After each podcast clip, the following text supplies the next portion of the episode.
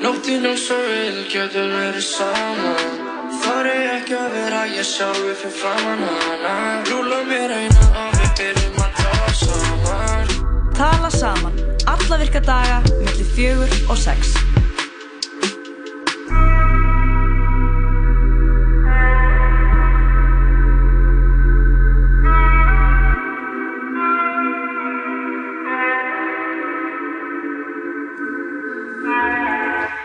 Já, það er tala saman sem að hefst hér í dag á þessum gríðarlega fallega 50 degi með þeir eru engin ennir heldur en uh, bestu vinninir Já, saman á ný. Saminuða nýja loksins.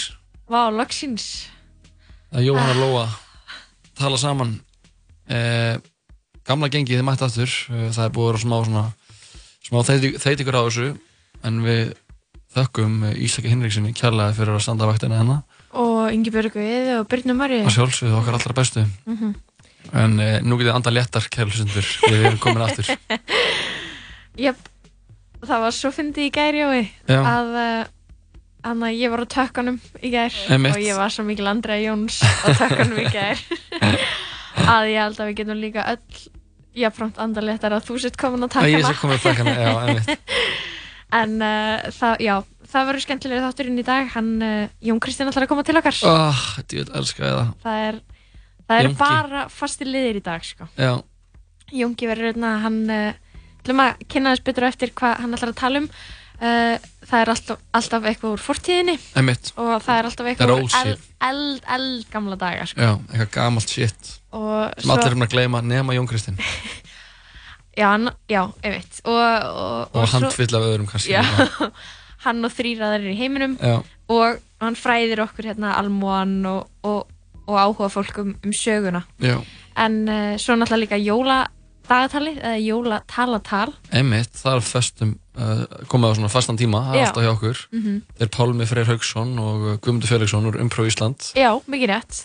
Og með þeim til uh, halsatröst í þættinum í dag verða Stefán Ingvar og Vilhelm Netto ok, grínistenni tveir. Já, Villi Netto hann er frægur á, á byrjaði sem vænstjarna. Já, og nú er er bara komin í bankaöðlýsingar ymmit, svona er þetta. hljótskipast viður í lofti Já, hann er, og svo eru þeir tveir saman í svona uppistandshóp sem heitir Vafas og ég, ég trú ekki öðru heldur en þetta væri fyndið. Vili fekk aldrei að kynna stígin í Eurovision þegar Eurovision verið í Portugal Nei, en hann fekk eins og að vera í jóla talatal. hann fekk það og Það við, hlýtur að vera eitthvað sárabót. já það hlýtur að vera það sko Mhm. en uh, það var náttúrulega bara tónlist líka mikið af skemmtilega tónlist þannig að í gær uh, varð Jay-Z 50 Já. og í tilvæðan því þá kom öll tónlistarnas Jay-Z aftur á Spotify Sem að skilur okkur tætal notendur eftir hvar. ég skil ekki alveg hvar við eiga staðsetja ykkur eftir þetta sko Uh, ég sá okkur á Twitter segja já, að Jay-Z hafi sett allt inn á Spotify eftir að ég er búin að vera að borga fyrir tætal í mörg ár skilur núna af, veist, að það er svona dæmi í bandaríkjunum þar sem að það er, eru nokkri fórsetaframbjöndur sem er að bjóða að veist, tilkynna það að þið vilji fyrir svona stróka út student debt, Já, svona, já, svona námslána Námslánin, já. og, og þá bara eitthvað hva, en hvað með þá sem eru búinir að borga þannig líður Já. tætalnotendur sko. þeir eru búin að vera að borga fyrir Jay-Z lög svo árum skiptir svo er þetta allt í einu svo er það bara komið að, Á fyrir alla, alla, á spottinu þetta er alveg risa náttúrulega. hann, hann, hann Jay-Z er hann er the goat. Það er alveg engum blöðum um það að fletta. Hann er Einmitt. greatest of all time. Uh, þeir eru nokkri sem eru þarna í, í þessum rap hópi. Já, en þegar þú ert að tala um bestu rappara uh, bara sögunar þá er Mhm. Jay-Z alltaf þar Mhm. þar með talin sko. Mhm.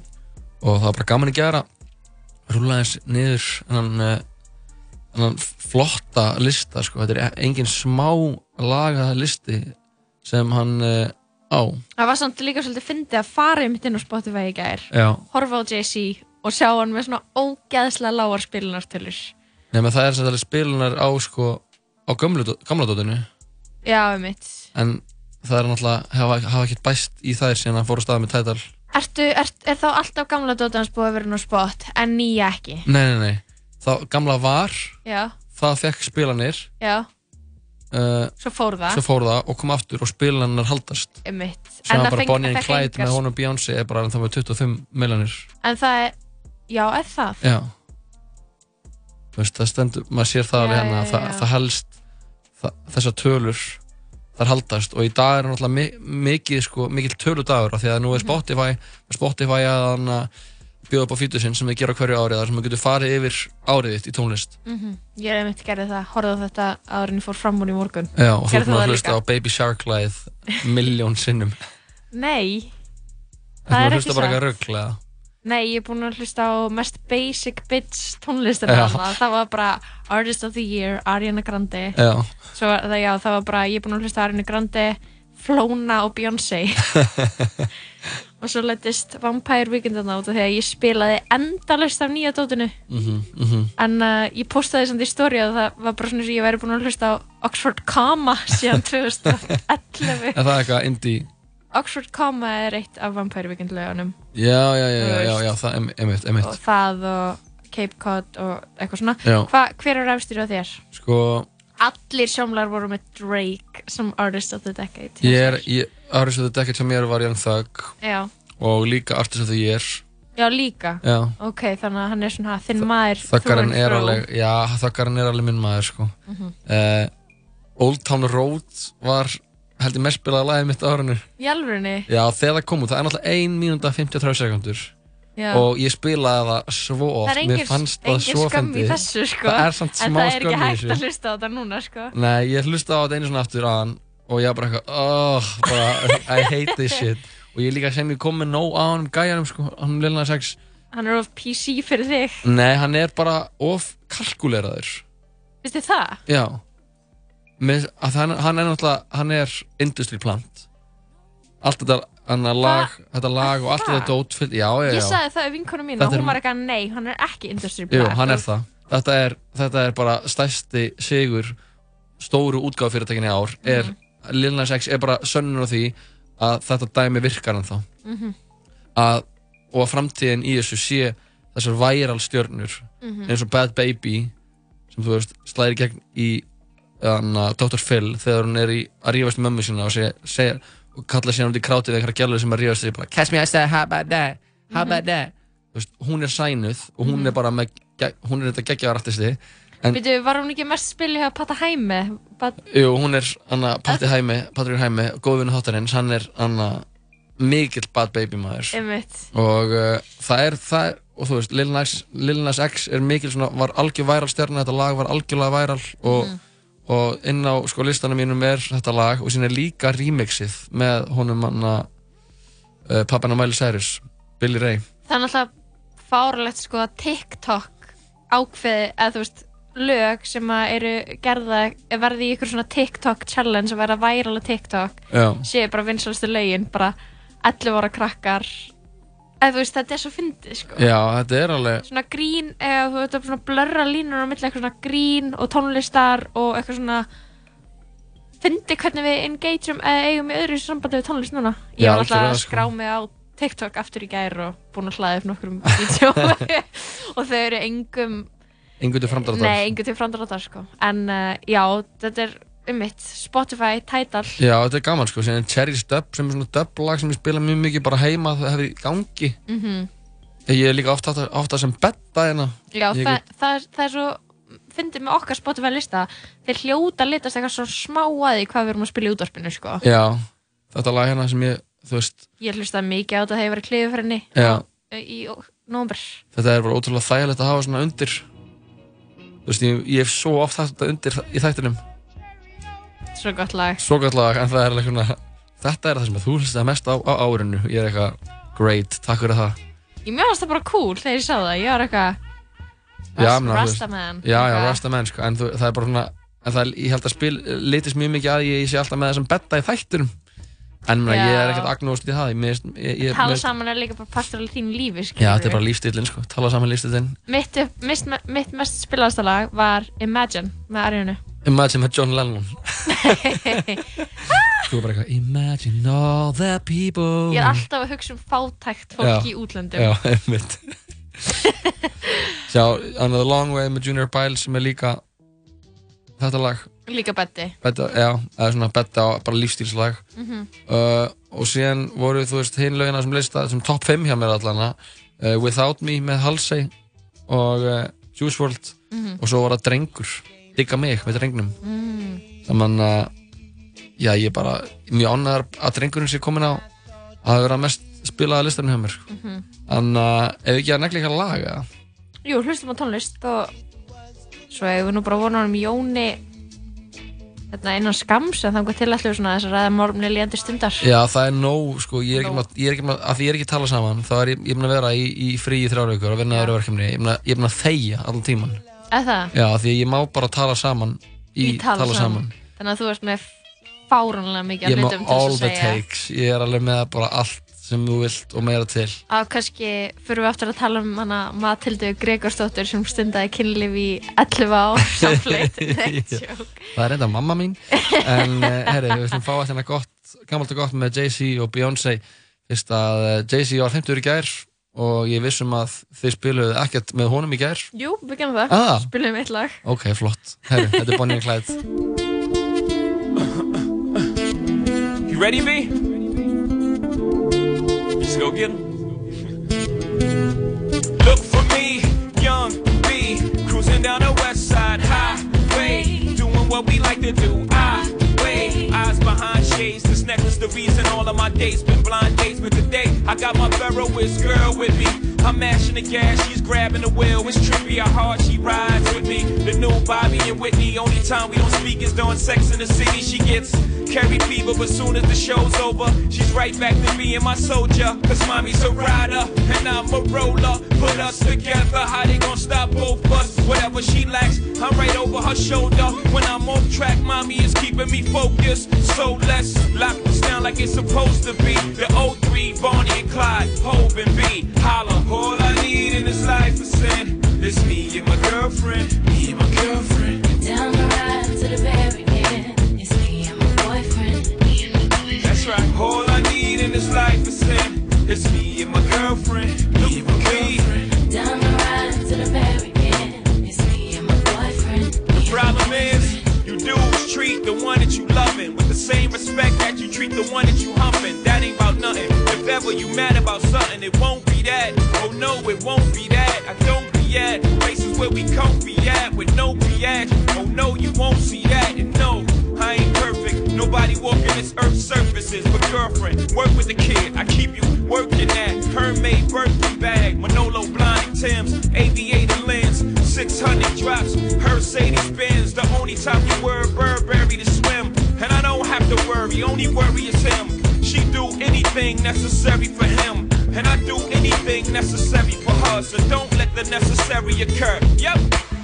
All I need in this life is sin. It's me and my girlfriend. Me and my girlfriend. Down the ride to the very end. It's me and my boyfriend. Me and my boyfriend. That's right. All I need in this life is sin. It's me and my girlfriend.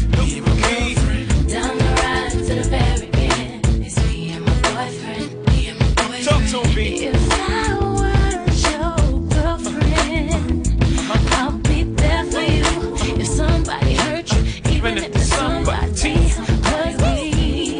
That's how. Yeah.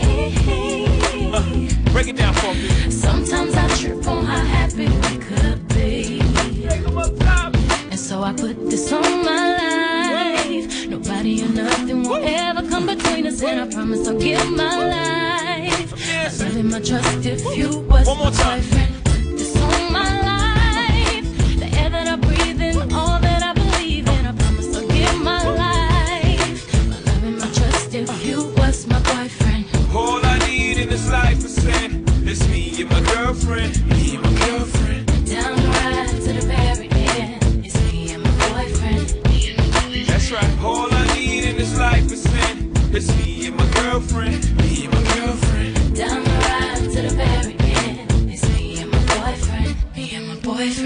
Já, þetta voru þau Jay-Z og Beyoncé, ég og Bey eins og við kallum við hérna í hættinum. Mikið rétt. Lægið eh, Bonnie and Clyde af plötunni The Blueprint 2 með Jay-Z.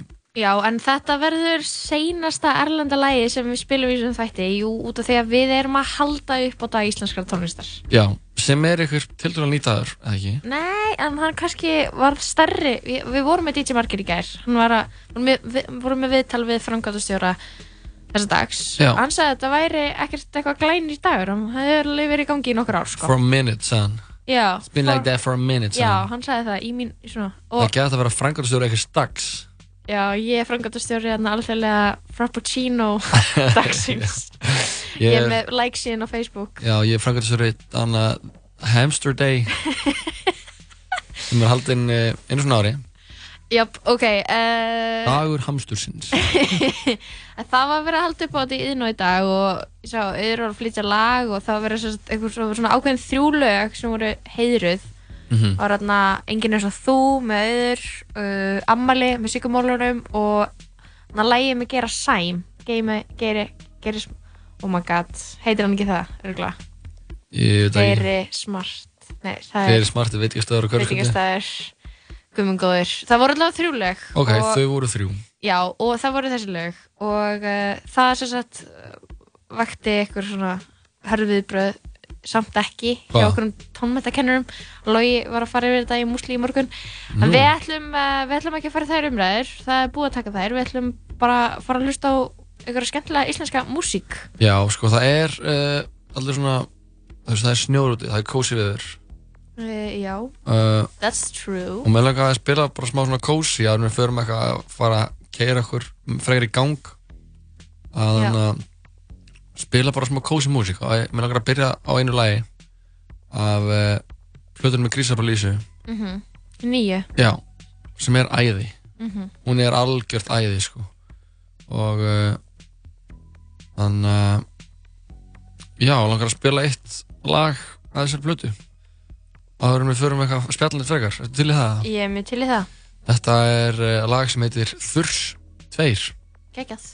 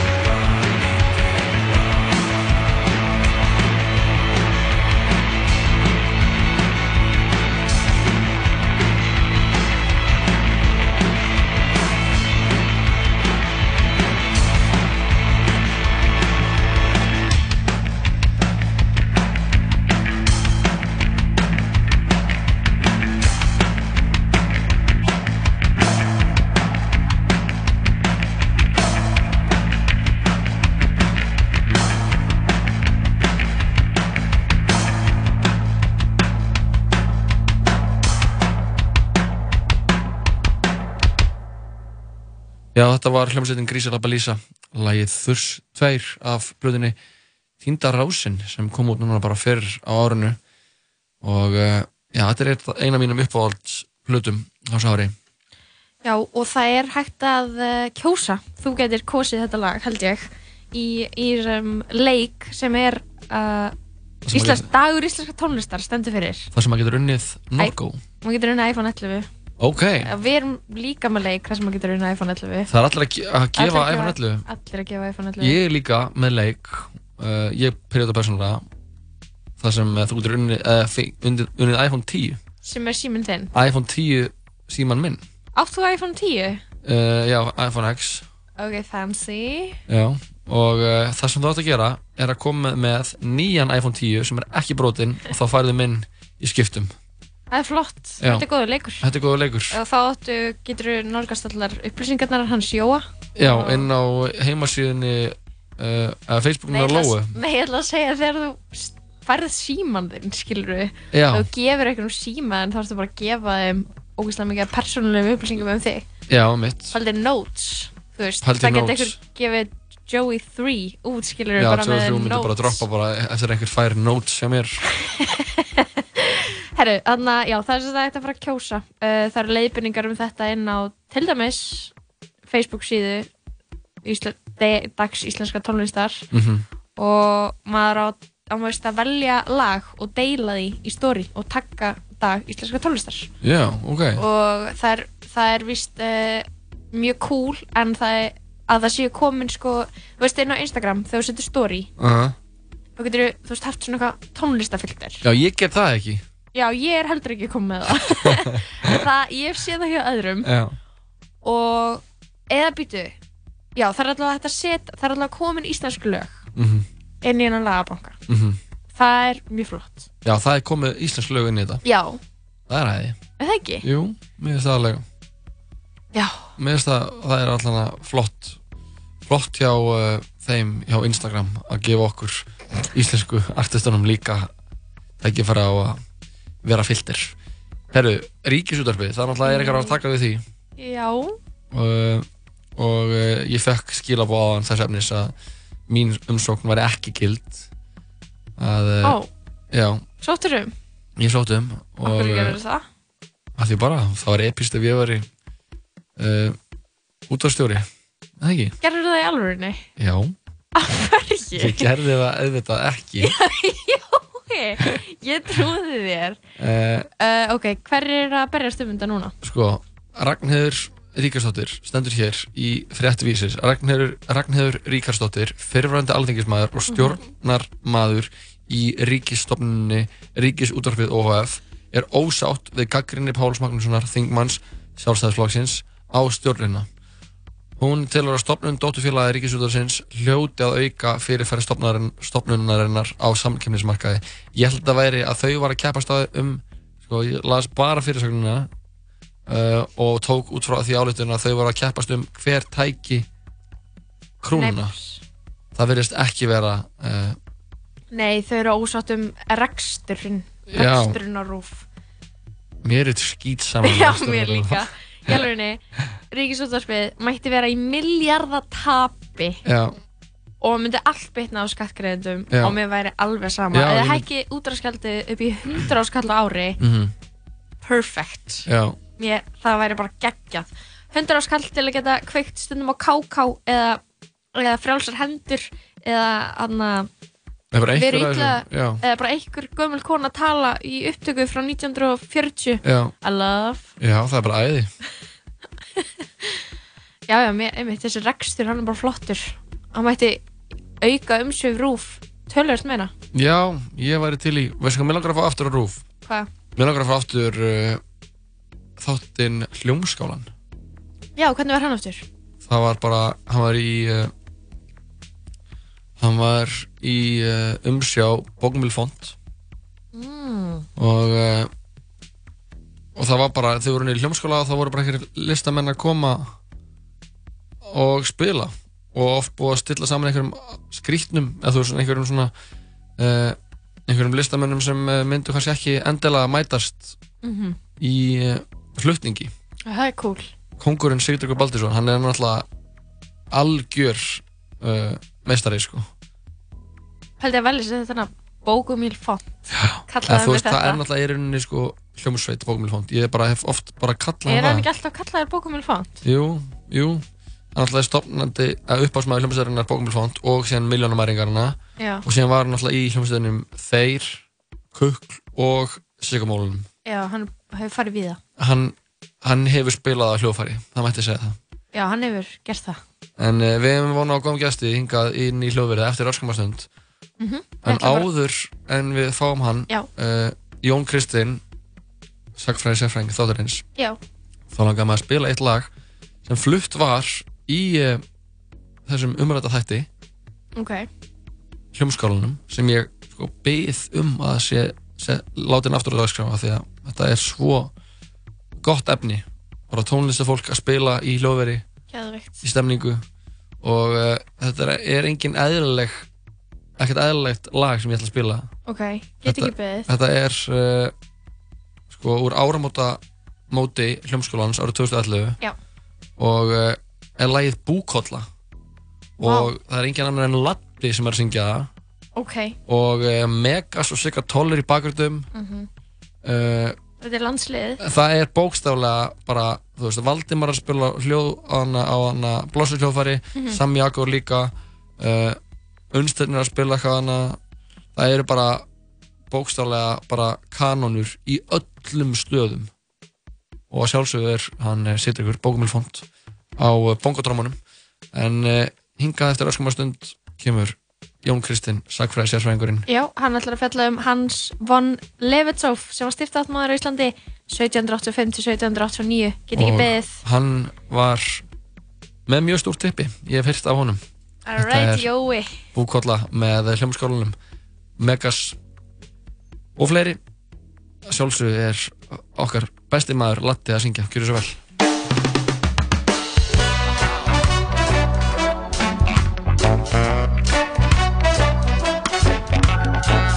Hall og kettling í sínu koti Kurð og áttu eitt svein. Hann reyn Veljur og geimt í fjósa broti Búk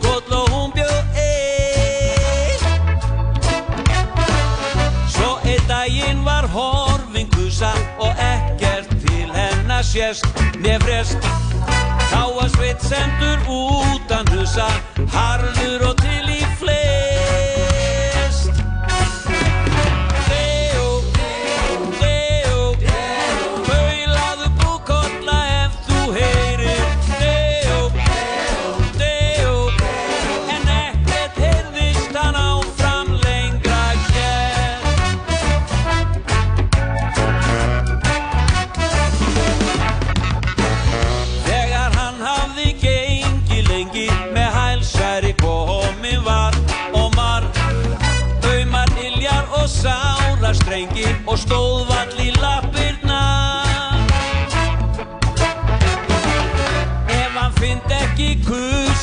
kvelli og kæmi óðara þeim strax heim. Fengjan ráningu og raskelli og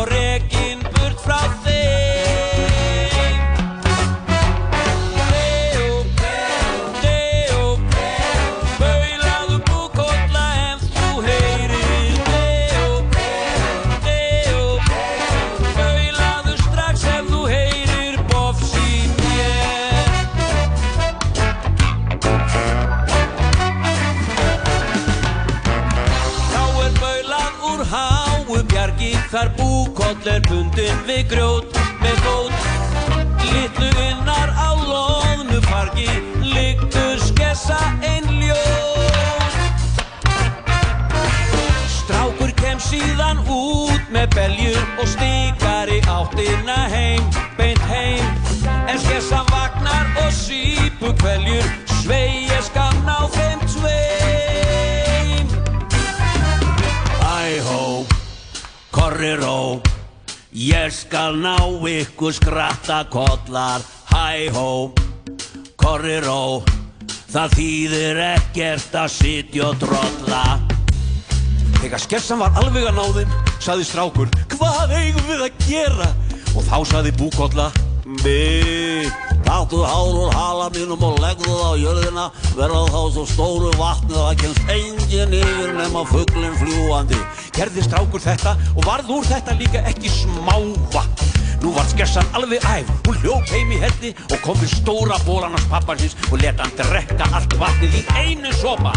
Nú var skessan alveg að náðum aftur, þá segir búkolla Mö, tátu hár og hala mínum og legðu á jörðina verða þá á svo stóru báli að enginn kemst yfir nema fugglum fljúandi. Lær þá skessan ólega og lætur bóla ótugtina pissa öllu vatninu sem hann drakk og slökkva bálið. Þegar skessan er verið alveg að náði með einu sinni enn, segir búkolla Tátu hár og hala mínum og legðu á jörðina og verðu það þá á svo stóru fjalli að enginn kemst yfir nema fugglinn fljúandi. Stoppar þá strákur og segir Ég er nú bara búinn að fá mig fullsatan að þessu kjaftaði í þér belju skratti. Taktu hár úr hala mínum hvað Þetta verður ekkert virka hjá þér hinga til. Og nú tek ég til minna ráða. Skipta einhver tóður að hár bara strákurinn reynsaði hárin að halanum á búkollu og dreifði þeim í kringu sig. Spruttu þá upp heilu fjallasalirnir. Síðan hefur ekkert til þeirra spurst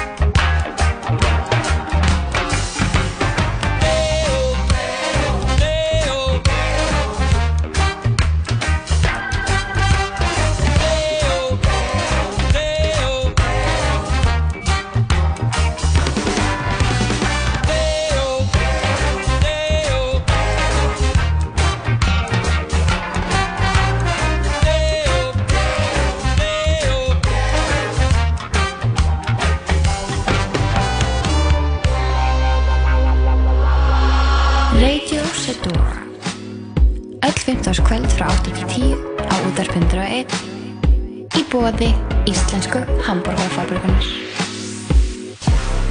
Það verða þristar, flautukörfur og grjótharður varnarleikur í Dominós deildinni í vetur.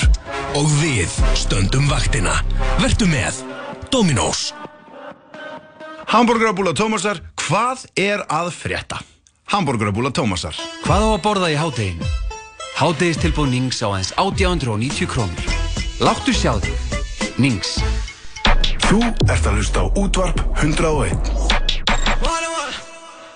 Já, það er sítið satturinn að tala saman hér á uh, þessum uh, fallega 50 degi og uh, snjór úti, snjókvæmt falla eins og einhver sagði og það- Allt og alla. Allt og alla, það er uh, desember og við erum komin í jólastuði í þættinum Já, og þú veist, come on, við elskum jóluleg. Já, við ekki að heyra eitt jóluleg í dag? Jú, ég held að við hlustum á ábygglega jólalegin í þættinum mættir Um, ég er búin að vera að vinna með að spila þegar þú blikkar á hverjum degi í þettinum. Já, Það er svo gott lag. En við erum komið með mm, Jón, Kristinn, við erum komin með engan, einn Jón hingað inn Hvað er þú í jólaskapi, Jón? Verður ég alltaf að velkomin? Mm, ekki ennþá, nei. Af hverju ekki? Að Því ég er bara í rítgerða skrifum og að lesa ykkur skjöl frá 18. öld. Það er bara ekkert sérstaklega jólætt við það. Fólk að ekkert- deyja og vera að kæra menn og eitthvað. Ég er ekkert. Ertu ekki eitthvað að fá þér klementínu og drekka jólaöl og setja upp seríur? Þú veist, það er alveg hægt að gera það í reitgeraskrifum, sko. Ég er reyndar nýkominn frá Ísafjörðu. Ég komst í mikið jólaskap þar. Og það, Ég ætla, ætla, ætla að En- segja að það ég er er nýkominn frá sko, Ísrael hérna- og ég- og já, það er náttúrulega það er náttúrulega Það er móðurlandið svolítið dreig úr því síðan ég, eftir að ég kom aftur í borg Kvíðans, sko. Já, já, þetta er Borgfíðans það er eng, engum blöðum um það að fletta Ok, ok, ok, það er mjög erfitt. en uh, fyrir uh, hlustandu þáttarins þá er Jón að sjálfsögðu sagfræði sérfræðingu þáttarins og kemur hérna vikulega með uh, svona ákveðin throwback throwback Thursdays 40 Já. að 50 daginn svo við kallum það þetta Endurlit til fortiðar. Endurlit og uh, Jón hvað uh, er á dagskrá í dag? Heyrðu, það er nú aldilis efni í dag. Nú? Hérna, þú maður tala um uh, mann sem heitir Hans von Lefetsov. Hans von Lefetsov Lefetsov, já, Já. og var, hérna, hann var stiftandmaður á Íslandi um, árunum 1785-89 ok, boner time og uh, stiftandmaður er sem sagt fyrir um, fyrir það sem ekki vita fyrir það sem ekki muna að vita hann er bara sem sagt æðsti hann er æðsti bara ráðsmaður. Hann taði konungsvaldsins í Danmarku eftir nokkra 40-50 þá veit ég þetta já, sko. já, hann taði framkvæmda valds á Íslandi. Hann er svona eins konar fórsætsráð Já. þess tíma og þó svo að það sem hann var að gera náttúrulega verið mjög langt frá því. Um, en ef við reykjum þetta þá er bara stiftandmanns embætti það er það er eitthvað anna Lóa er í hlátuskasti hérna í hljóðverðu og er að Svona gera. Já, það er lagt niður 1874 og þá kemur landsöðingi í staðinn og svo Mhm. kemur Íslandsráðurra í staðinn fyrir hann 1904 og svo er fórsættisráðurra loksins uh, 1917 Já. en sem sagt á svona en þegar Leifetsov er skipaður sko ég vil svolítið líka þessu við sko hafið ekkert maður lendið að þau eru kannski á vinnustað Mhm. frekar róleri vinnu Já. um, svo mætir nýr starfsmæður sem er alltaf duglegur Já. og áhuga samverð um að framfylgja öllum reglum Og hann verður bara pirrandi já. og flækir líf allra annara. Já, eða hann gera það verkum að þið þurfum að fara að gera alls konar hluti sem þið þurftu ekki að gera áður. Þú veist að vinna vinnun eitthvað af hillindum. Já, eða ég vil að kannski yfir maðurinn mætur ákveður að taka einn dag á gólfinu með hinum starfsmennunum Já. Mhm. og þá þurfa allir að sýnast vera rosalega dugleir. Nákvæmlega. Já. Þetta er svona aðstæður sem að margt vinnandi fólk kannast við held ég, kannski er ég bara með svona glilegt Nei, vinnustiðferði. nei, ég- held að þetta sé algeng alveg tilfinning. rétt, sko. En þetta eru svona það sem gerist þegar að Leifetsov, held ég, er skipaður stiftandmaður 1785. Hann er þýskur aðalsmaður, fættur 1754 Já. um, og hann, hann er uh, uh, 30, nei, 29 ára nei, 31 árs 31. þegar hann er hérna kemur yngað og Leifetsov, þetta er aðalsætt sem á uh, rætur síðan að reykja til 13. eða 14. aldar og er upprunlega í Þýskalandi en færist svo smá saman til Danmörkur og, og til áhrifa þar. Mm. og uh, 1779 kemur hann fyrst til Íslands og þá er hann 25 ára um, og á að gera könnun á ástandi mála í landinu fyrir dönsk stjórnvöld og hann svona já þá er hann bara 25 ára sem sagt, Mm. hann kemur eitthvað og gerir sér skýslu Kemur í fyrsta skipti til landsins.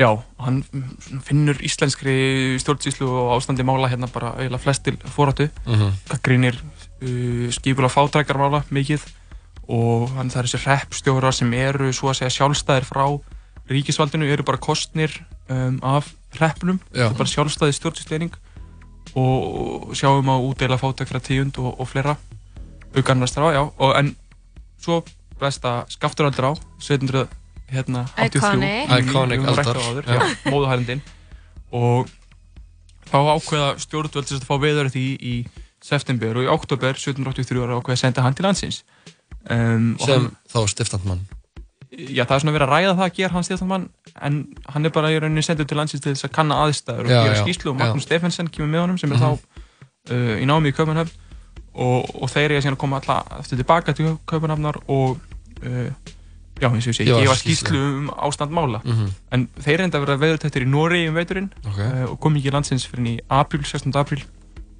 og þá svona það að vera ákveð að hann eigi að taka við stiftatmanns embættinu af hérna Laurits Tódal sem hafði verið uh, stiftatmaður síðan 1770 og sko Tódal og Leifetsson, þetta eru svolítið áhugaverðar andstæður. Sko Tódal er ekki aðalsmaður. Hann er raunar fyrsti stiftatmaðurinn uh, stiftatmaður Íslands sem er ekki na, já, að þessum aðalsættum. Hann vinnur sig upp í gegnum stjórnkerfið Mhm. um, mikið til í Noregi og, er svo skipaður stiftatmaður þegar þeir hafa ákveðið að sá sem gegni þessu embætti skuli hafa fasta búsetu á landinu. Já, já.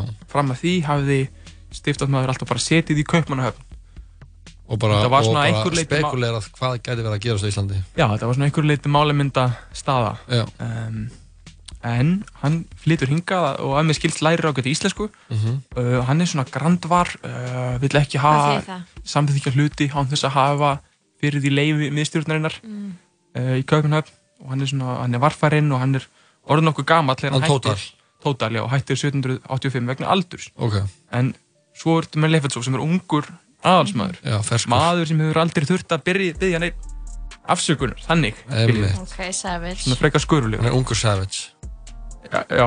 Mætti en- svo komast orðið og hann er hérna sumarið 1784 Mhm. uh, fer svo aftur til Hafnar en kemur aftur vorið 1785 og þá er hann skipaður stiftandmaður um, og hann lendir í alveg rosalega miklum deilum við hérna, íslenska embætsmenn okay. um, og hann sérst byrjar á því haustið 1785 uh, að, að sekta bændur og aðra fyrir að, trassa það að framfylgja þúpnatilskipuninni og þúpnatilskipunin er reglugerð Oh sem er sett uh, 1776 í, í kjölfar vinnu landsendarar fyrri sem að starfaði á árunum 1770-71 og, og þetta eru lög sem segir til um það að umbætur á túnum, að bændur verða annars vegar verða þeir að slétta ákveðið magna á túnum Af hverju? vegna þess að til þess að auka framleiðinina í landbúnaðinum Ok. ef þú ert með hérna, þýð tún og karga þá ert ekki að fara hérna, fá ég mikið út úr Ekki að mikið hei. nei, Er, er verið að Umhverfinu. heia þegar það eru tú- þúfur? Já, og bara minni nýtjar. Já, bara, það er bara eitthvað bull að vera með eitthvað þúfur, sko. Tún verða þýfð vegna þess að þau eru nöguð niður í rótina og þetta er svona vítarhingur.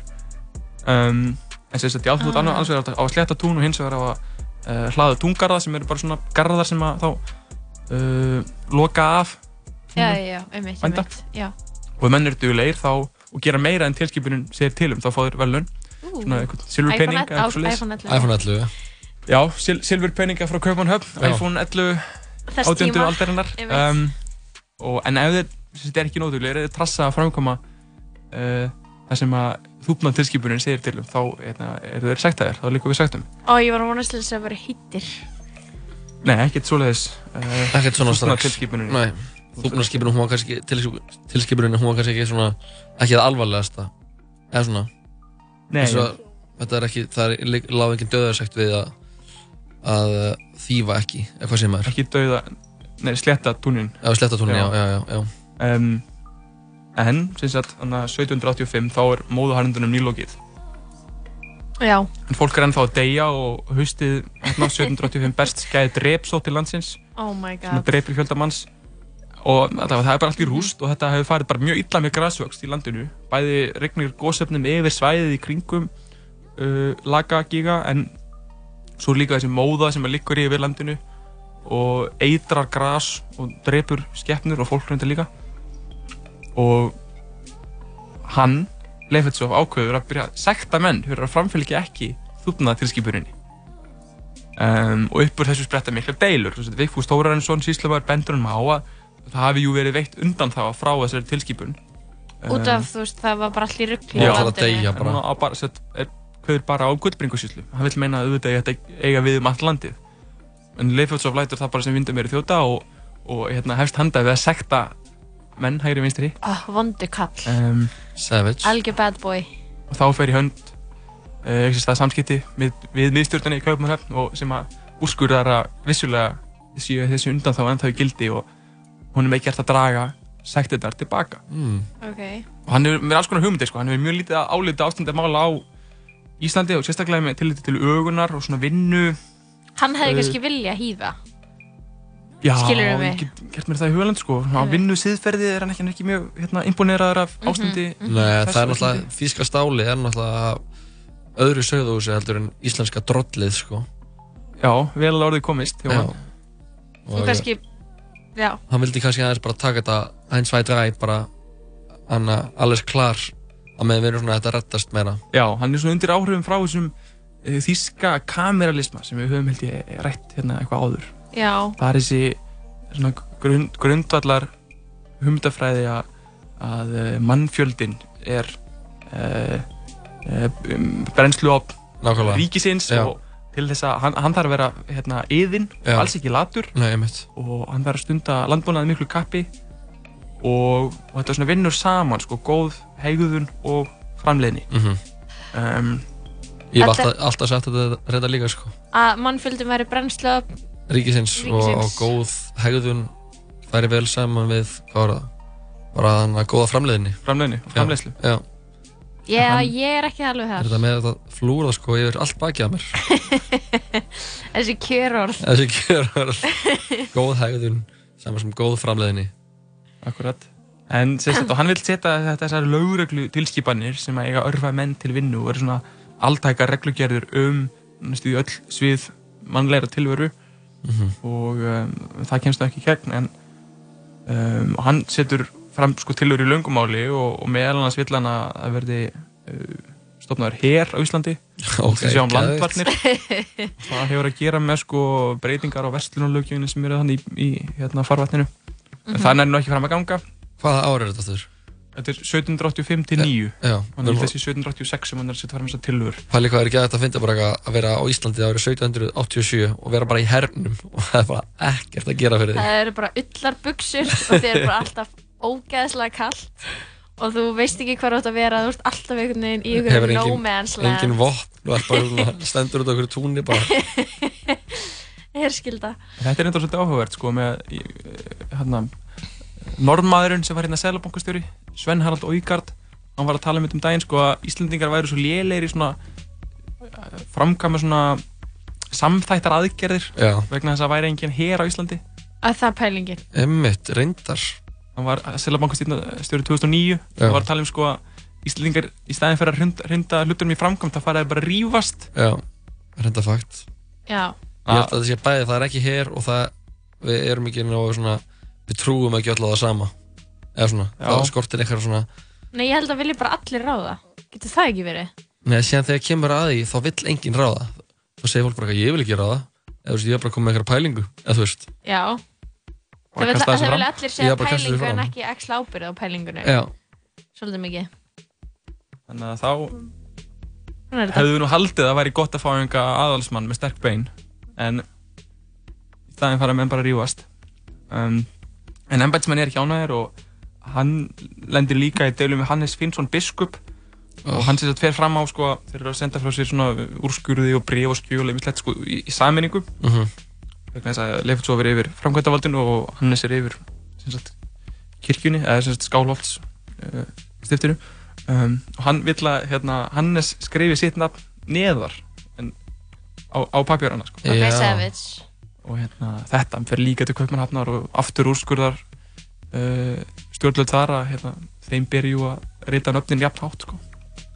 þannig að Og það er drama Já, og svo næri til að hápunkti sko þegar að hann hérna Guðmundur Þorgrímsson, domkirkjuprestur í Reykjavík kærir vinnumenn uh, Lefetsovs og hann sjálfan raunar fyrir að vera að sendast með post á helgidugum Mm. og uppur því sprettaði mikla Var Leifetsov á því? Já, þess að þú máttu ekki, ekki vinna eða láta menn vinna fyrir þig á Það Einmitt. er sunnudagur, annars vegar og hins vegar annar í páskum En við- var bara keira áfram Já, hann segir, hérna er mikilvægur póstur sem það er að senda Þetta er, hérna, það brennur á þessu um, Og hann, já, gengur mjög hart fram aftur En aftur verður hann hérna, Undir. undir og uh, Mhm. ekkert verður úr þessu máli Hann er allir svona smá fail army þessi gaur Já, hann er svona Alltaf, hann er mikið að reyna Já, mikið að reyna koma, og- koma á einhverju, einhverju skikki á mál hér En það verðist ekki Já. vera einhvern veginn svona hljómgrunnur fyrir allan hans pælingum sérstaklega mikið Nei, þetta er svolítið, þetta er íslenska embætsmannavaldið og svo dönsku hugmyndir Já. Þetta er, það er einhver, það er einhver núningur hana Já. sem að við kannski skiljum ekki alveg en það er að, ég vil meina að það er að skoða hann betur sko mhm. Það- eh, er- hann er ekki verið rannsakað mikið Nei. hans svona stiftatmanns tíð per se sko Nei, þetta hljómar eins og eitthvað sem væri gaman að, að dempa sér onni sko. Skúli Fókiti, hann endur í deilum hann líka hún er vikið frá embætti í heilt ár og hérna aðstúðamaður Leifurtsofs, hans Jakob Lindahl sem var 23 ára Já. er skipaður landfókiti á Íslandi í, hérna, og meðan það mál gengur yfir Ok, svona- wow. Það var eins og ég væri skipaður fjármálar á þeirra í dag Það er nú kannski ekki það Ekki svo, ekki svo út í, út í kú Nei, kannski ekki. Ekki með að við núverandi ráður að skipa Ég veit ekki til þess að hafi neitt rosalega slemt gerst allavega. Nei. En og hann lókaði mig þess að ég er svona talað um að hann hafi verið orðin svolítið pyrraður og leiður á því að vera hérna og hann færi löst frá hann 1789 og uh, er veitt stað í Nóri og verður ekki stíftandmaður í einhverju uh, einhverju amti þar. Ok, og veitum, eitthvað, veitum við eitthvað hvernig það gekk hjá blessum kallinum? Nei, það hef ekki hefur ekki verið skoðað sérstaklega sko, íslenski sakfræðingar hafa allir ekki ekki gert það. Mér langar, ég, fór, ég er búin að vera að horfa kannski svolítið mikið á Crown. Erstu að horfa á The Crown, Jón? Já, það eru einu sjónstæðin sem ég horfa á eiginlega. Ok. Já, bara eitthvað, mér langar alltaf að vita skilur bara er, þú veist, hvort að þessir stiftsáttmenn sem koma til Íslands og eitthvað þú veist, er kærustur eða þú veist, hvað er að gera þannig hvernig er persónulega lífið þeirra, skilur Já, það, það er ekkert vitað um það kannski. Jú, ég, nú man ég ekki alveg hvernig að Leifótsov giftist þarna einhver starf en ég held að konan hans degi því miður hann að Það er ekkert að ganga upp hjá en hann eða stuttu eftir hann kemur í, hingað. Já. uh, ég held að það sé eitthvað svipa sem hendir tótal Mhm.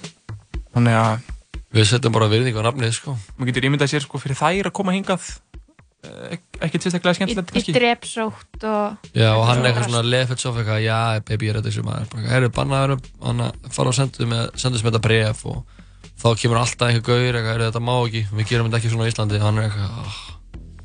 alltaf klúðrast hann hefur honum. orkunni vissu leiti sko. Já, hann, hann hefur en sjúldigum, en sjúldigum alveg talað rosalega illa um hann í kennslubókum sko. Er það málið? Já, ég held og en jafnvel bara eins og hann sé eitthvað algjör fáiði Þegar ég var sko, ef við hefðum ekki hérna, þess að tvo Trampi tveir stiftandmenn á 19. öld sem heita Trampi, annars vegar Trampi sem er hérna 1809 og lendir í deilum við Jörund hundadagakonung og hins vegar Trampi sem er uh, á þjóðfundunum 1851 og Já. neytar Íslandingum um, um allt það Mhm.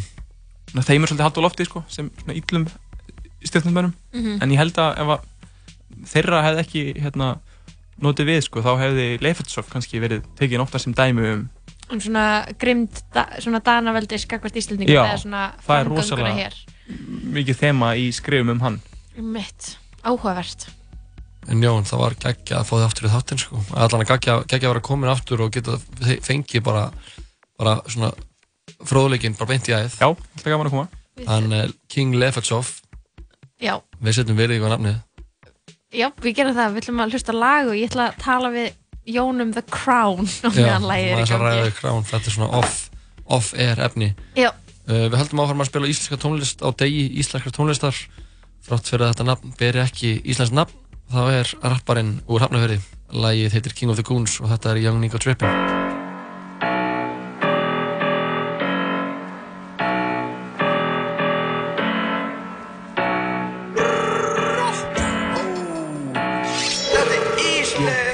og ég trappið út Ég tók þetta shit og ég trappið út Ég tók þetta shit og ég trappið út Trap, trap, trap, trap. Ég er coolinn, samt ekki að fatta þú Þarf að trappið upp, þarf að trappið út Hoppa inn og út eins og woo woo woo. Gerði þetta shit á motherfucking smooth Ég gáðar, þarf ekki að mappið út Ég þampast út eins og oh shit Ég fluti, þurfti að færa þessar hluti Þurfti ekki að æsa hluti Hálsinn Ég er ungur savage. Stórt blönd og ég trappið upp Ég er 90's baby Grimman hund út í garðinu Ey Bitch ég er trap house. Ég kefti eitt trap house. Ég breytti í stash house.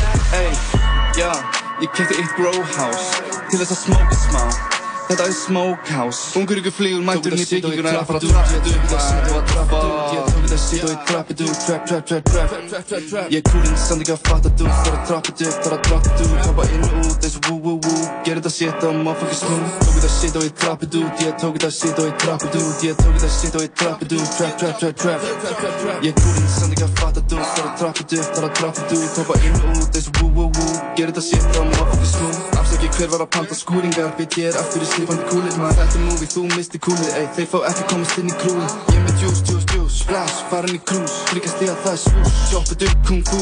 Ég er king of the goons. Ég fór að stopna í klúb Bitch ég er flýjar en þú. Mér langar í AMG Coupe Bitch ég er flýjar en djúft Ég fór að stopna í klúb Flugklúburinn, bitch. Mér langar í AMG Coupe, já Klíka mig rúla svo motherfucking djúft Ég tók þetta shit og ég trappið út Ég tók þetta shit og ég trappið út Ég tók þetta shit og ég trappið út. Trap, trap, trap, trap. Ég er coolinn samt ekki að fatta þú Þar að trappið upp, þar að trappið út Hoppa inn og út eins og woo woo woo. Ger þetta shit á motherfucking smooth Skópið út eins og CSGO Ég er með stóran hóp fullan candy cone. Hann er alveg snart so loco. Er bitch boys, er popo. Ef þið vantar eitthvað hérna er fimma Já, fullt af stennum sem að hrinja Vilja ekki sjá mig vinna. Munu aldrei fólk skilja. Þetta shit er bara að byrja. Ég kom inn í húsi með svo mikið drift for að synda hey. Þú ert ekki að gera neitt svipa, nei. Gerir þetta shit so easy. Versace frames, ekki 3D Ég bara flexi svo fitness bro. Ætti að vera í Guinness bók. Ég bara Guinness dope Ég bara hlaupandi í burtu frá 12 Nico er frá völdunum Já. og hann eins og við höfum sagt það þá er hann konungur Guðnarnas sko. hann er mikill áhrifald til Guðnarnas sko. hann kom með Glow Gang til Íslands sko. einmitt, hann er Guðn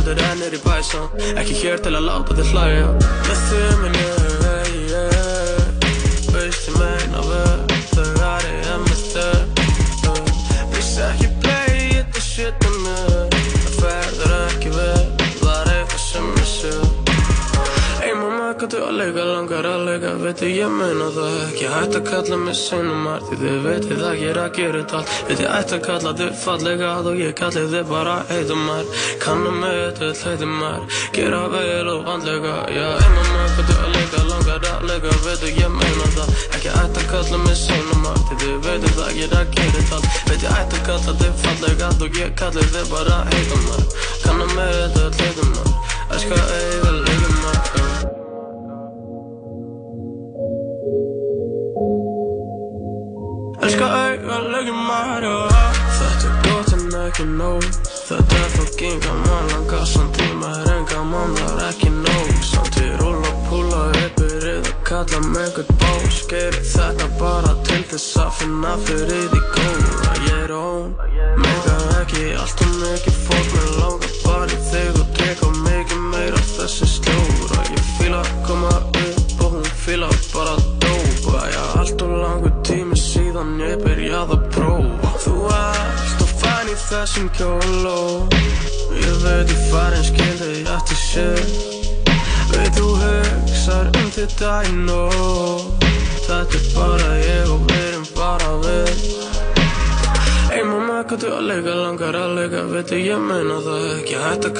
mig seinumar, því þið vitið að ég er gera þetta allt Veit ég ætti að kalla þið fallega og ég kalli þið bara heitumar Kannum með þetta heitumar, gera vel og vandlega. Já, einmann að hvað þú að leika, langar að leika, veitu ég meina það. Ekki ætti að kalla mig seinumar, því þið vitið að ég er gera þetta allt Veit ég ætti að kalla þið fallega og ég kalli þið bara heitumar Kannum með þetta heitumar, elska eiga leikumar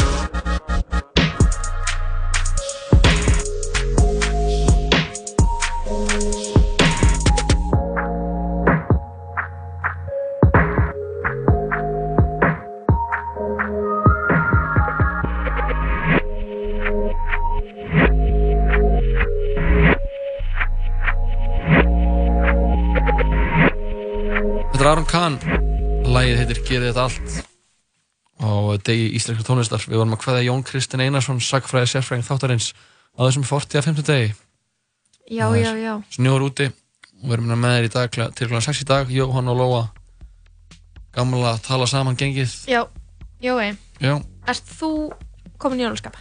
uh, ég fór í síðustu viku í jólahúsið á Akureyri Nú, Já, hvað kemur til? Akkur gerir það? uh, bara Þú ég, hafði áttur erindið þangað? Uh, Nei, ég var bara heima og ég bara mm, með okkur í jólahúsið á Akureyri Og bara sem ég vissi ekki að væri til þá og kefti flug og uh, Hvernig kannstu ekki vita að jólahúsi væri til? Sorry, ég, ég er ekki reyna að vera leðilega. Nei, ég en þetta hvernig vita- fóð það framhjá þér? bara ég hef aldrei kert lengra en Brynjúís Nú, hú.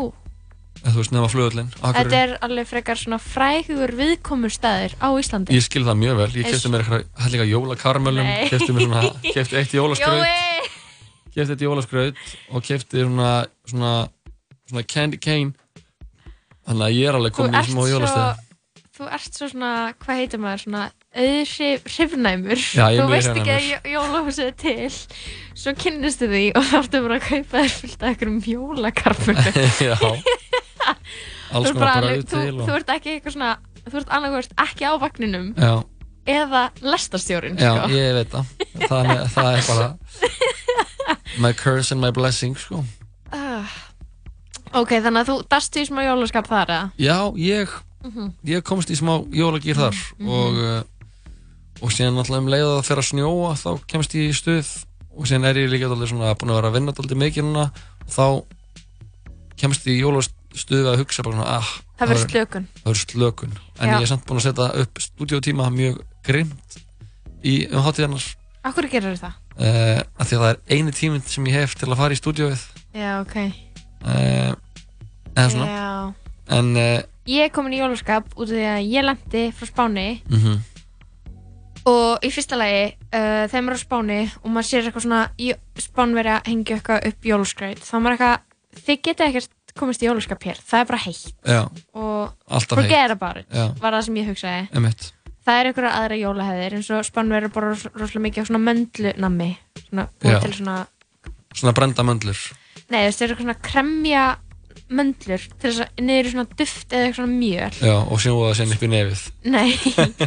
Og þetta, þú veist, þetta eru svona alls konar kökur og svo turrón sem er það pluss eitthvað svona smá egg og hvað, þú veist, það er bara svona Og svo er náttúrulega litlu möndlukökunar sem þið borða. Við borðum litlu möndlukökunar, þeir eru ekki með neina möndlukökur og svo eru þeir náttúrulega með jóla trétrumbin og eitthvað svona. Þannig að það er, það er svo gaman að vera ykkur staðar og vera eitthvað að fatta dítelana í jólahæðum hjá öðrum, sko. Já, já. Okkar er náttúrulega bara Clementínan, ég myndi segja að hún væri svona miðja Þú jóla segir Clementina, mandarínan. Er þetta eitthvað sem þú eitthvað statement sem þú ert að taka núna? Ég er bara að segja Clementína Eh, Heitir það Clementina, heitir þetta ekki mandarína? ég held að bara heiti bæði. Já, ok. Af, af hverju má ekki segja Clementína Af því að þú svona- mátt alveg sko Ok, ég skal bara segja mandarina. Mátt líka bara kalla hana bara hana Valentína eða eitthvað.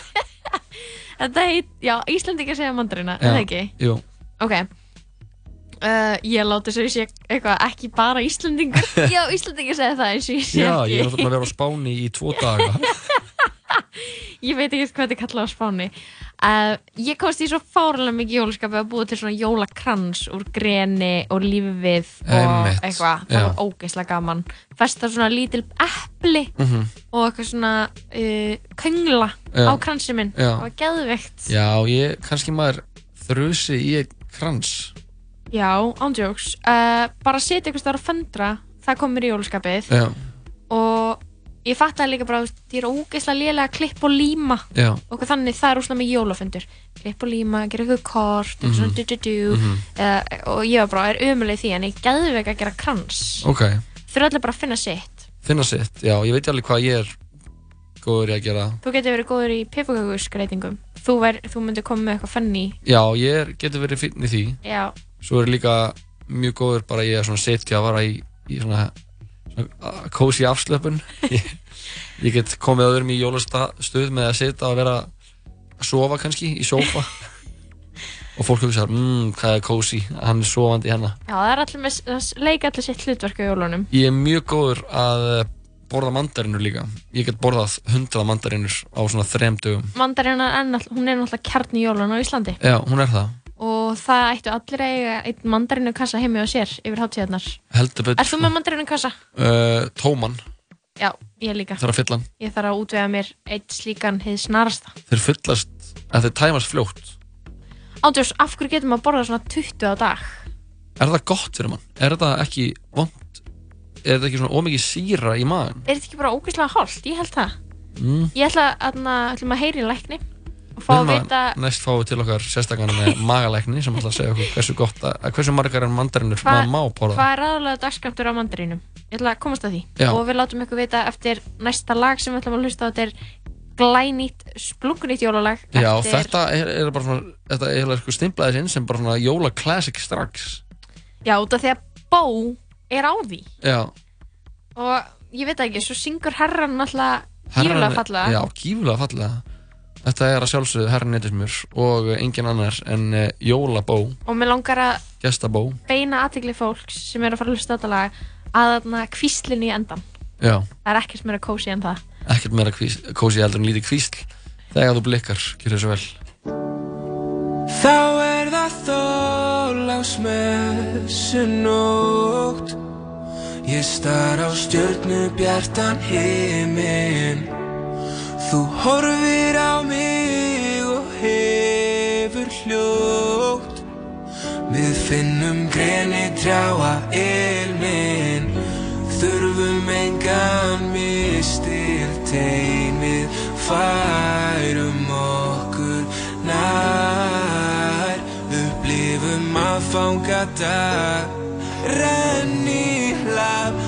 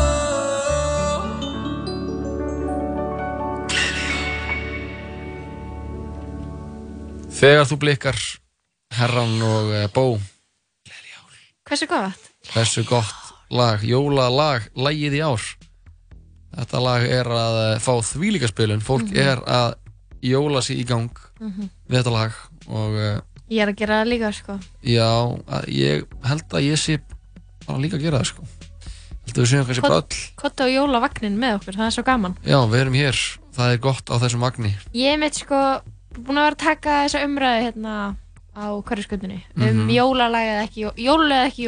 Einmitt. Og ég bara skil ekki af hverju ekki jólalag. Út af því að þú veist, það er, er hægt að vera, er hægt að vera skilur skúli fúli og vera eitthvað, Mhm. "Uh, þetta er svo leiðilegt. Eða líka bara hægt að fucking peppa sig í gang og gýra sig inn í jólastemminguna þessi mánuður er einu svona ári. Ekki láta eins og þetta sé eitthvað ógeðslega langt tímabil. eins og þetta sé eitthvað kvöð Nei, þú veist, þetta er bara stemming. Já, og er ekki stemming bara af henni góða? uh, sko stemning jú, er kannski henni góða en það fett alltaf eftir hvað þú veist, hún getur farið í báðar áttir. Flest jólalög eru hafa eitthvað njókvæðan bóðskap en Já. ég er líka, þú veist, ég er náttúrulega bara svona að ég veit ekki. Ég er ekkert endilega alltaf að hlusta okkur lög út af því að það er svo eru, þau eru svo geðveitt vel samin og ógæslega mikið tónlistar afreg, eskilur það er ekki ég, það. ger, ég gerir það eins og þar ég, mér finnst líka bara fínt að hlusta á eitthvað sem er bara pepp eins og þetta. Ég hlusta bara á svona mjög anna, Þú hlustar bara á Vivaldi, Four Seasons. Já, svona, Ég bara, og nú er ég bara að hlusta á þú veist, veturinn. Já. að það er jól. Herru, það var að droppa í gær uh, ný stikla úr síðustu mynd Daniel Craig sem James Bond og ber myndin heitið uh, No Time to Die eða Engin tími eða ekki tími til að deyja Ok, og horfður á þetta? ég horfði á þetta Mhm. og uh, já, ég einhvern veginn það var bara eitthvað Bond mynd hann var eitthvað hann var hann og svo var þessi franska leikonan sem var, hefur, hefur verið í síðustu myndum líka mhm. hvað er hann áttur? Upp, veit ekki. Veistu hvað sem leikir Bluest the Warmest Color?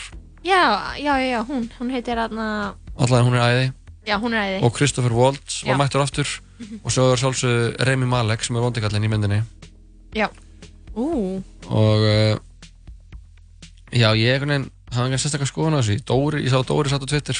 Dóri Dina, Mhm. hvað hann litið illa út. Ha, vel út? Nei, illa út. Ó, ég held að hann hefði sagt hún lítið ótrúlega vel út. Já, ok, kannski er ég rauklast Ég held að hann hefði sagt það. Já, uh, já það var bara, lúkaði bara svo okkur einhver algjör ræma, sko. Þetta er eitthvað svona, nú við komin eftir að sömu spurningu með jólulegin Þú fílar Bond, þér finnst það stemmari uh, það ekki? Jú. Við höfum teki- talað um þetta aðeins. Við höfum eitthvað svona verið ósamlega um hvort að maður ætti að sjá Bond í bíó eða ekki. Já, mér er bara gaman að fara allt í bíó eða, sko. Já, já, og það er líka því að maður fer á okkar mynd og síðan er hún búinn og uh, þú veist, hún er ekki maður fer ekki og hún er ekki mánuður nema þetta er The Irishman var, Líður þessu mánuður Hún líður þessu mánuður. Ég á vinkonu sem fór út í hliði út af því að hún var of löng Hún gæti ekki hugsa sér að ég er mjög ánæri að horfið á hana heima upp í sofa, The Irishman Hvernig horfður á hana? uh, ég var sett í tökum á sjónvaseríu Já. og uh, vorum búin að vera alveg á fullu og uh, vorum síðan að fara í tökur í Danmörku Já núna síðasta fyrstu dag og við Mhm. flugum kláðan sko fjögur fjögur aðfaranótt lögadags Ok. Og uh, ég, við klárum tökum fyrir að snemma fyrstu daginn þannig að ég fór heim og ætlaði bara að slappa af og því Irishman og horfði á hana og síðan þurfti ég að fara í flug. Oh my god. Eða rauninni, ég horfði á hálfan þátt af krán í mittiltíðinni líka. Bara út af því að þetta var svo hókislega lung mynd. Já, hún var bara, hún er 3.40 Nei. Jú Oh my god. En ég, mér fannst alveg smá stemning, ég var bara fyrir sófa að bara háma í mig mandarinur og Alma sopnaði yfir henni undir lokin. Og ég bara veginn svona, með þetta bara kósi að hafa svona, þetta er, þetta er bara svona mynd, klassísk sko segja sér mynd, Mhm. fjallar um æfi uh, Jimmy Hoffa sem var sko verkalis uh, fór ekki í bandaríkjunum. Mhm. var svo ótrúlega vinsæll var bara, eins og talar um í myndinu þá var bara, hann uh, hann var bara efstóra Elvis á tíðanbili Mhm. hann var bara verk, verkalýstjóri hann var yfir stjættafélagi hann uh, svona truck drivers Mhm. svona stór, þeirra sem kerði svona stóra tröka Já. bílstjóra og hann var bara ofurstjarna Mhm. og hann hvarf síðan og það hefur aldrei held ég verið upplýst hann hvarf Hann er ekki bara komið fyrir kattanif Já. af bandarískum yfirvöldum. Nei, hann var komið fyrir katinni af í rauninni mafíunni Já, mafíunni. Já, og það er þessi það sem mann, ég kannski spoila þessari mynd en þú veist, hún er Oh svo my god, varst að, spó, varst að spóila Nei, þú veist, nei, það er það kemur mjög snemma fram að eitthvað nobody knows how he disappeared. Já, já, ok. uh, en hann uh, já, hún er og þú veist það, þessi mynd það, það, hvernig hún endar skiptir engu máli, þú ert bara að horfa á hana út af bara stemningunni og efninu, þú veist, og framistöðinni Joe Pesci er stórkostlegur í henni, sko. Ok. hann, hann og þetta er náttúrulega hann Joe Pesci, Robert De Niro Al Pacino Mhm. uh, og bara fleiri stórleikarar Emitt. þetta er svona gauðra gauðra stemning, er það Já, ekki? jú. sko segja ég er svona gauðra gauðra, Ég frétti að væri eiginlega engar konur í svona mynd. nei, emitt En- en hann er líka bara að fjalla um eitthvað, eitthvað tímabil hana, þú veist eitthvað, þetta er svona kalla veldi það er hana, þessi Jimmy Hoffa Mhm. og síðan er það Mafjan og uh, þetta er svona, jú, það er náttúrulega uh, maður tegur ekki mikið eftir einhverjum anna, ko, Konum. konum. konum í þessari mynd Nei, emitt. en ég meina, er það slæmt eða? Finnst það að vera Já, ég, Finnst það ég, gefa- ég, get alveg, þú veist, ég get alveg komið rauk fyrir að það sé slæmt, sko. Ég get Mhm. alveg komið með rauk fyrir að það sé bara léleg handrit að skrifa að þarna dóttir til dæmis að einar aðalpersonar Mhm. á að eigi ykkur sambandi við aðalpersonuna en segir ykkur fjóra línur í þrjá klukktíma og 40 mínútur. Já, mitt. Þá, þú veist, þá er en það þögnin hennar var enda alltaf sterk sko.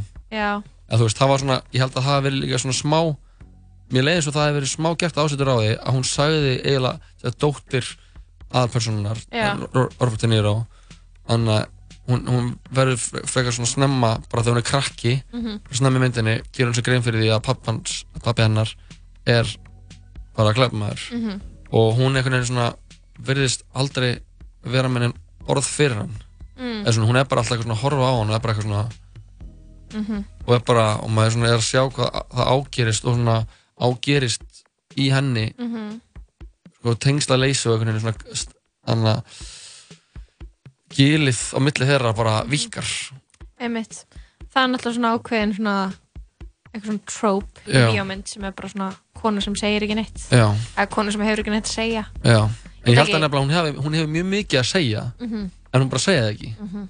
sem ég fannst alveg vera smá áhrifaríkt sko. Mhm. en síðan, ég held að þetta er líka þetta er svona dæmi þess að einhvern veginn vera að koma þangað að bara ef þú- vilt horfa á einhverja svona mynd þar sem það er meiri meðvöndund um um uh, bara jafnrétti og um að það sé einhvern veginn gefin he heilstæðari mynd af, af samfélaginu þá, Mhm. þá horfur þú bara á þannig mynd þú veist. Já. það er ekki einhvern veginn að þú veist, það eru bara sumir sem gera bara ákveðna myndir Hollywood gerir bara á, ákveðna myndir leikstjórar innan Hollywood gera ákveðna myndir Já, já, þú veist, það er alveg góð punktur en það er svona, ég skil líka alveg að bara horfa okkur á mynd og bara hugsa bara, ok, þetta er bara ósla, þetta sýnir bara skorta hugmyndaflug að já, þú ætlar að sína eitthvað kallaveldi en þá er bara ekki pláss fyrir hennar konur inn í því Einmitt. Æ, þú veist, og því að þú getur alveg konur hafa alltaf verið til, skilur við Já, ég heyrði, heyrði það það er, er ekki samt, þú veist, í öllum hópum einhverjir, þú veist,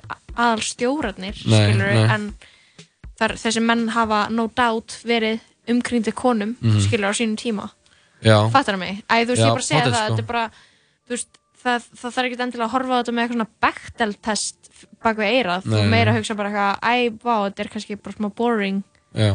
Að horfa á fjóra gauðra í fjóra tíma, skilur Mm, mhm. I don't know, ég er ekkert að segja að allar myndir þurfa að vera eitthvað Nei, við erum bara að, ég er bara að bara að segja, tala saman sko. kom með eitthvað svona rauk fyrir því, skilur Já. en uh, já Ef að hlusta á meira af íslenskri tónlist já, gera það, út af því að við erum líka að fara að spila jólatalatal eftir, uh, eftir það lag Já. Þá uh, ætlum við að spila hérna spuna jóladagatalið sem að Pálmi Freyr Haugsson og Guðm- Guðmundur Felixson byggu til Já. Við erum að spila eitt þástu dag fram með jólum og að þessu sinni vera gestir þáttarins Stefán Ingvar Vigfússon og Vilhelm Netto. Vilhelm Netto sem eh, já, kemur fyrir í, í Íslandsbankaauðlýsingun og það sem er verið að endurleika uh, senur úr klassískum íslenskum bíómyndum Já. uh, hann leikur í endurgerða á senu úr bæði Englum Alheimsins uh, á Hotel, Hotel Holti nei, Hotel Sögu. Já. og einnig uh, atrið allt- úr með allt á hreinu. en uh, já, við hlökkum til að hlusta það en eftir öskumastund en við ætlum að aðeins að halda áfram. Hlustum á smá meiri músík og mér finnst bara, mér langar að spila eitt bara gamalt og gott. Þetta er að sjálfsögðu okkar allra besti maður blæðandi hjarta þjóðarinnar Bubi Mortens og uh, lægið heitir Aldrei fyrir suður.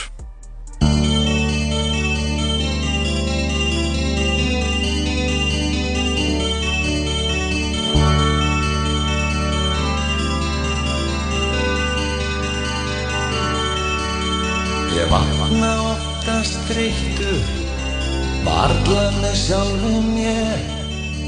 En ég veit að er til annan líf En það sem ég lifi hér Og þrá mín hún vakir Minnan þokan byrgir mér sín.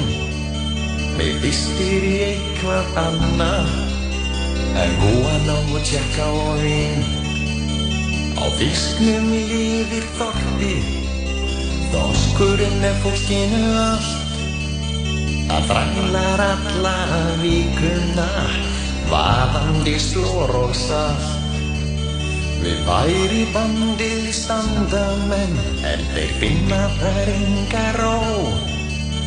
Flestir þeir ungu komnir söður Þar sem af draumanum er nóg Langaði maður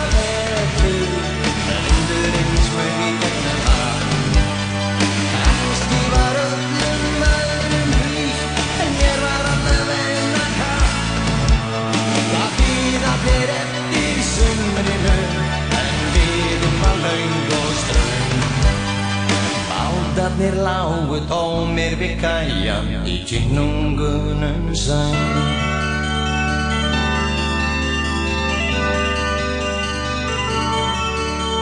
Fadir minn átti drauma sem dóu fyrir lítil þér. Mér dreymdum að verða manni en ég náð honum aðeins í hér. Ég gleymi seint þeim augum, gínandi botlaust tón. Gamall maður fyrir aldur fram með brostinn hrjúfan róm. Þegar ég var rétt orðin sautján Um sumari bast mér frétt Að sæta dúkan Hans bens í gröð Væri orðin kasólétt Nætugnar urðu langar Nagandi óttinn með. Neldur ég gat ekki tekið tilbaka Það sem hafði skér Langaði maður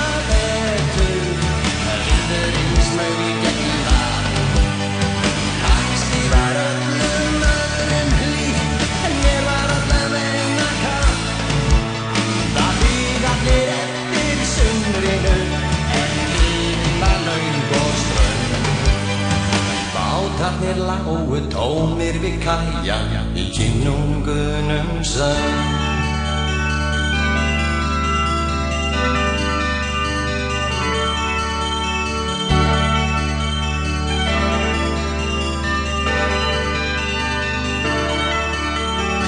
Aldrei fór ég suður Alltaf skorti mig þor Hvert einasta sumar var því frestað Svo kom haust og svo vetur og vor.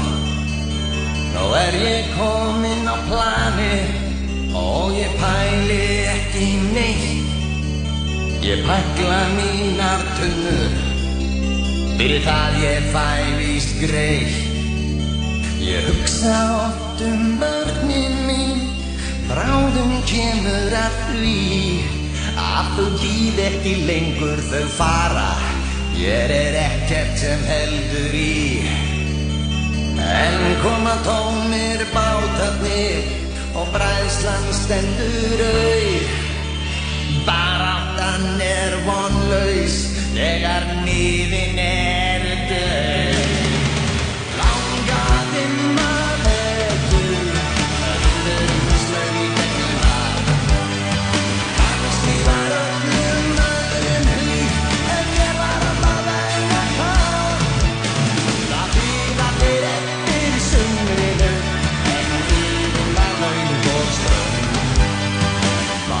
Bílarnir lágu tómir við kæja í kynungunum sann.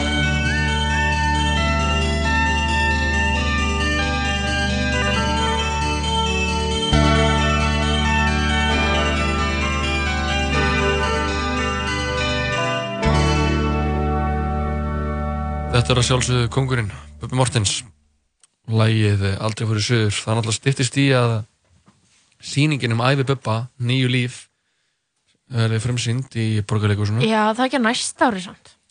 Jú, það styttist samt í það Já, emitt. Það er, það er hérna 2020 getum við að fara að sé sýningu um æfi bubba. Já Ég er eh, frekar peppu, sko. Ég er ótrúlega peppaður sko Ég veit líka að hann er ánægð með handritið. Já, hann er líka hann lagði alltaf upp með að hann myndi ekki fá að Stjórna. stjórna af því þá myndi hann reyt sko Mhm. hann er að leifa bara listafólkinu sem kemur að þessari sýningu að að Mhm. Að taka málinn bara í sína einn hendur sko Jep. vinna út frá því efni sem til, til er eins og við hefum talað oft um í dag er dagur íslenskra tónlistar uh, haldinn hátilegur á Mhm. þessari þessum fallega degi 15. deginum 15. des og uh, það var svona ákveðin dagskrá í Liðinó í háteginu þar sem uh, Samtón sem er samtök rétthafa íslenska tónlistar uh, sem standa fyrir deginum gefa ákveðin svona velun eða viðkenningar fyrir uh, þrjú uh, íslensk lög og uh, alltaf, ég held að það sé alltaf þannig. Það er alltaf þrjú lög hverju ári, ekki satt? Jú, og svo fá líka einhverjir, einhver svona fjölmilar og einhver svona fólk sem hefur stutt á baki, stutt við baki á íslenskri tónlist. Einhver við líka, fengum í fyrra. Já, um eitt, vissi það. Útarpundur 1 fekk viðkenningu fyrir að ég held sko að Bjarni Ben hafi fengið það í ár Já. þess að sömu viðkenningu það er alltaf verið að leita að meira og meira illmenni til þess að veita velunin. Hver farið næst? uh, en sko lögin sem voru valin Mm. voru sigamólunum Já, einmitt. Fróðan með Gerasheim Einmitt. og Engin eins og þú með auði eins og við nefndum hérna á hann Já. við nefndum líka að tónmentar kennarar uh, hafa gert aðtöðsamdir við lagavalið Mhm. Og uh, það hefur skapast umræða um þetta á Facebook síðu viðbyrðurins Já, þetta er, mér finnst þetta mjög skrítin umræða, sko. Já. Mér finnst þetta, ég held þetta snúist um textan og líka að þetta þessi lag með Björk, aðna, í alvegurinn. Já, það voru allir eitthvað að segja sko eitthvað svona uh, það eru, það eru þrjú, þrjár aðtöðsamdir inná Já. þú veist, mér er svo fyndið að segja eitthvað svona það myndast umræða þegar ekki þrýr eru búin að Þú veist, þetta er náttúrulega ekki hægt, sko. því miður hefur fjöldi tónmentakennara látið vita að það geti ekki tekið átt uh, með sínum þúsundum nefnda í leik og grunnskólum þetta árið vegna óvegandi laga og textavals og Það er ekki, hvað meinið þið? Ok. Skil ekki hvernig þetta er óveðandi lag og textaval. Nei. Er, er ég svona ógísla úrkynjuð eða hvað er, þú veist, come on, eða þú veist, veistu hvað við, ég er bara að hugsa um lögin sem að komu þegar ég skræði minn á TikTok í gær. Þú veist, og bara svona venn, venjulegir tónlistatextar sem að krakkar, allir íslenski krakkar eru á TikTok. Getur ekki sungið með ammæli eða fróðan með gera sæm. já, bara, er, er, hvernig er textin í ammæli? Ég, Nei, þú veist, það er ekki, eins og ég skildi þetta, þá var það ekki textin heldur bara, getur enginn sungið þetta bara svona ratt, rattarlega sér. Já, ég, mér líður sko Ok, nú er ég einu af þessari Facebook síðu og hér segir einhver uh, hvað, hver í óskapunum á að taka undir söngin þetta lagval er svo óhugsað hvort sem er fyrir unga eða aldna. Textanir eru óviðandi og lögin til dæmis afmæli gessanlega ósyngandi nema fyrir Björk sjálfa. Ég verð að segja að þetta ver, uh, veldur miklum vonbröðum því hefðin er góð. Ég vona að þetta verði tekið til umhugsunar ég sit hjá þetta árið, situr hjá hverju hvað er, ég skil ekki, ég er allir að Svona fara að syngja þáttaka að syngja þessi lög í skólanum eða eitthvað þannig. Já, ok. Ég veit það ekki. Uh, þarf þetta lið ekki aðeins bara að slappa af eða? Jú. Er það ekki bara rétt metið að Það meira? er það sem ég er að segja. Þetta er fáránlegt. Sko, ég man ekki hvernig ammælið með Björk er. Hefur ekki hlustað smá á það? Jú, við slum fá tónda með, þetta er hann ammælið með eh, með Sigurmálunum, maður sjá Sigurmálunir, ammæli Tjón tónda með, er þetta að syngja með þessu lagi? Í þið skulle dæmi það sjálf, kjærlusundur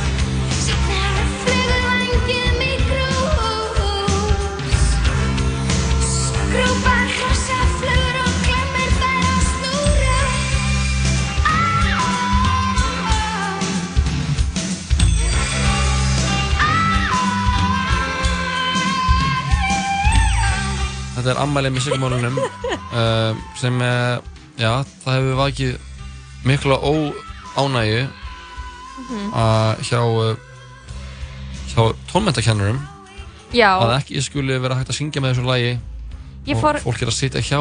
Ég fór að hugsa um lagið Enginn eins og þú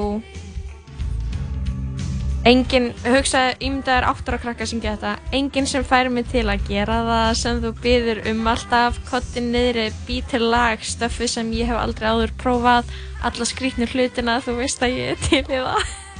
Þú veist, þetta er um kynlíf, skilur við. Já, og ég veit alveg að þú veist ég veit alveg að mörg lög eitthvað svona krakkar syngja ástarlega kynlíf, og eitthvað. ég veit það ekki en þú veist, væri maður samt ekki alveg svona ef barnið manns var að syngja þetta okkur svona kór skemmtun í skólanum það væri skilur tí ára. Já en þá, held, þá held ég að sé allt þá held ég sé alltaf lagi líka að taka bara viðlagið þá. Já, enginn eins og þú. Já, því það er, þú veist að sjá það eitthvað sungja einhvern barnakór var bara mjög fín já, emitt, satt. En hækka hans í þessu aftur. Æ, ok, ég var að meina skilur tjóman eitthvað Er ekki bara að velja stelpuna sem syngur best í skólan? Leifa henn að spreita sig á þessu. Æ, ég veit ekki, mér finnst það að vera algjör stormur í vasklasi Helur, það er komið að því að við, við spilum jólatalatalið. Þeir Pálmi Freyr Haugsson og Guðmundur Felixson eru hérna með á hver með eins og degi með okkur. Mhm. og uh, eru með jóladagatal þar sem þeir fá til, til sín einhverja grínara og glensara. Og grínast með þeim í einhverju jólastöði í, eh, í kringum 20 mínútur. Og uh, já, við bara sendum boltan yfir til þeirra og uh, já, við verðum hérna erindar aftur og sláum botn í þáttinn. Ég ætla bara aftur taka fram að Stefán Ingvar og Vilhelm, Vilhelm Netto eru með Pálma Frey og Guma Fel til hals og tröst í þessum væti gestir jólatala talsins í dag. Gerum ymmit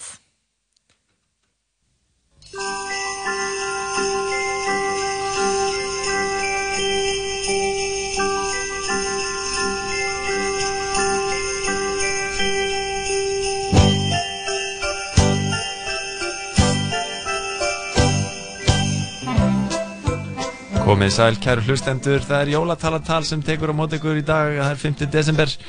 Þetta er uh, Guðmundur Felixson sem talar hér. Og Pálmi Fyrir Haugsson talar hér. Já, við erum sérst með hennan þátt, jólatalatal. Og þetta er jóladagatal í podcast formi. Einmitt. Við erum að gera eitt þátt á dag í 24 daga og telja niður til jólana. Og ertu fann að laka til? Herri, það er komin 50. Já. Það fer að styttast í þetta, Það er að styttast í þetta sko. Já. Það var að fjárfyrsta í tré sko. Já, einmitt. Ertu með einhverja, einhvern tips? Um, ekki á stórt, en ekki á lítið. Einmitt, takk fyrir það. Góð ráð hjá Pálma hérna í byrjun þáttar. Uh, við erum sérst að ræða við alls konar fólk sem tengist jólunum og, og það gleður okkar að segja að við, í dag í þessum þætti erum við komin hinga með jóla DJ Einmitt. og umbósmannin hans. Já. Uh, hann heiti Johan Cal California. Cal- Johan California. Johan California. California. Og, og umbósmannin hans Sigtryggur Berg. Sæll. Já, komið í sæl. Já. Já, sæll. En að DJ, um jól, jóla DJ. Ertu þá bara að spila um jólin eða? Já, bara backlog um jólinn, skilur Bara Bara svona backlog Já, já, já, já. Minna svona backlog, sko, til þess að hafa peninga bara allar restina á árinu, skilur Já, byrju Svo er ég svona með DJ í Ástralíu Já. Já, ok. Jólin svona- ástíði, sko Já, en jólin eru samt á sama tíma.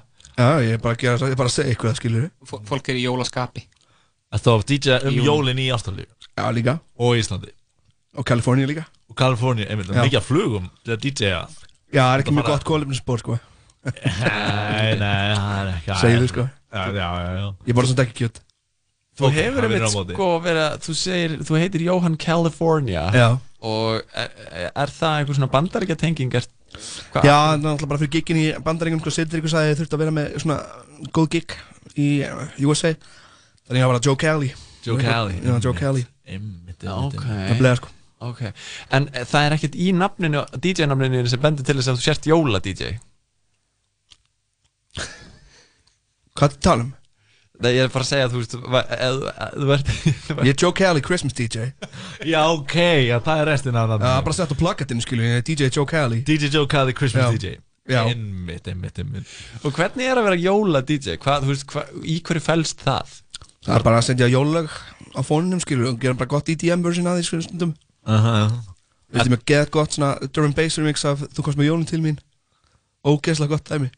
Og þetta spila það úti, íslenska? Nei, ég spila það bara á Íslandi sko Einmitt. Og Það er nú, svo, nú þegar svo marga EDM jólaútgáð sko Í svona amerískum lögum sko Þannig ég get bara spila nú á þannig í klubum Já, já, og þetta er, þessu gig eru mest í klubnum sem við erum verið að bóka eða?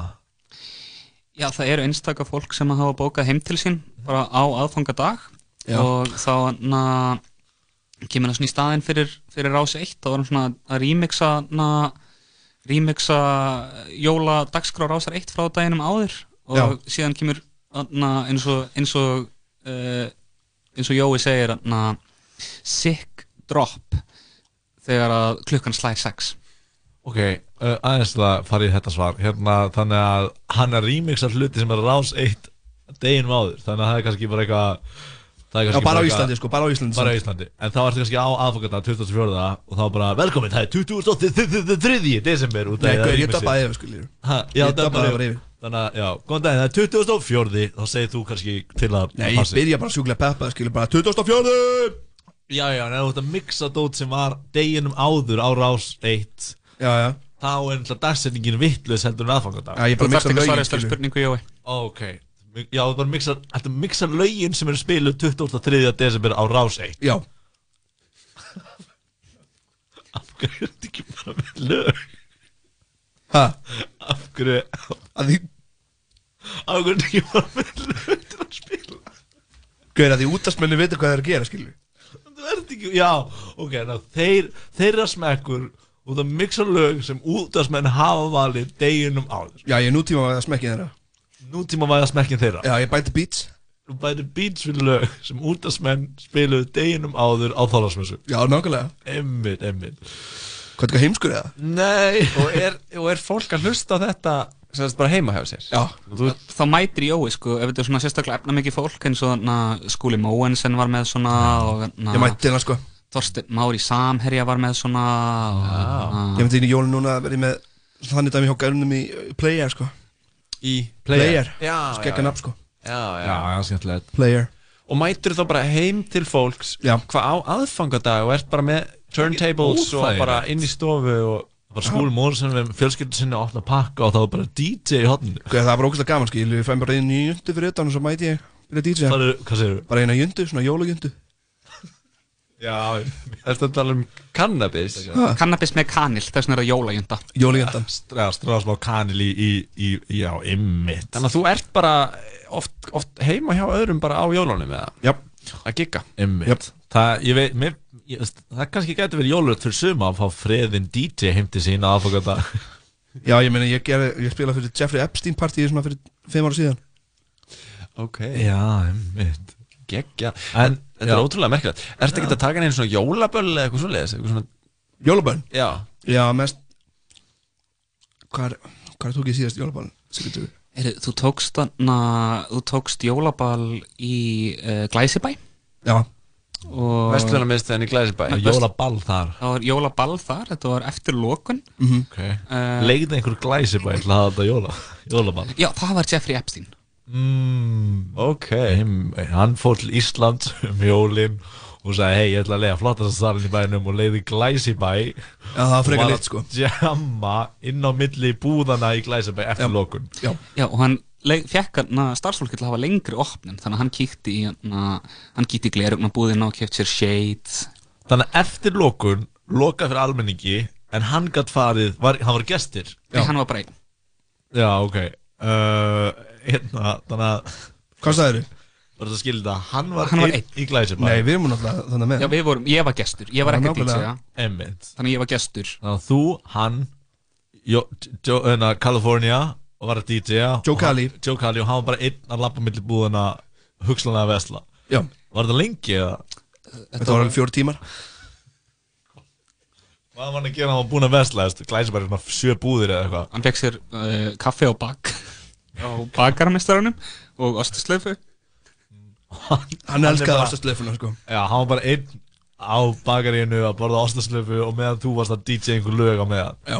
Ég spilaði meira segðan að lænu Christmas Nuts Gekkja EDM lag. Já, já, já. En var ekki dærið að halda með stemmingu þegar það er engin Nei, hver, ég heldur bara stemningin hjá sjálfum mér, þá bara er stemningin endalaus.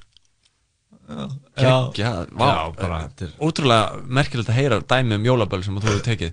Já En hérna, er ekkert verið að rugglast og verið að bóka þig á einhver svona barna jólaskemmtanir eða eitthvað svo leiðis eða það er bara ekkert málskilu, ég er bara að spila bara einhver svona baby útgáður af lögunum mínum. Já, getur verið með PC eitthvað Crazy Frog eða eitthvað sluðis Já, hver, Crazy Frog er algjör hitter.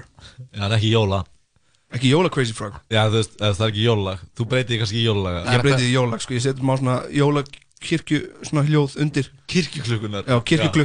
Ég ætla nú kannski bara Dung, dung Og sem fyrir Crazy lagi í gang. Já Crazy Frog Ég held að það sé kannski bara tilum til að spyrja hvort þið hafi ekki lesið tölvupóstin okkar af því að í undirskriftinu stóð öll tónlist er jólatónlist.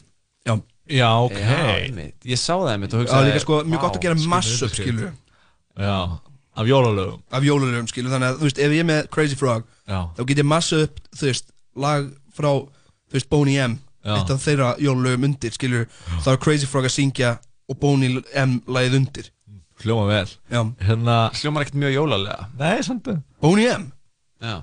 Þetta fókin Kid Damer eða? Já, er það, já, er það einhvern svona legendary jólalag? Já, þeir eru með fullt af legendary jólalögum. Ó, ok. Já. Já, ég skil. Hvernig hérna, en að vera umbóðsmaður, ég meina, er, er bara, er koma flætandi inn tilbúðin eða? Ég hef ekki undan þessu. Er það? Já, nei, menna ég uh, Það var uh, Hann er núna að fara að taka eitt gig í, na, í á Times Square Já. Núna uh, sjönda Og verður fólk þar, er einhver miljónum margir búin að lega Times Square? Það er na, Donald Trump og Boris Johnson ætla að vera á na, uh, Ísringnum Já, Já.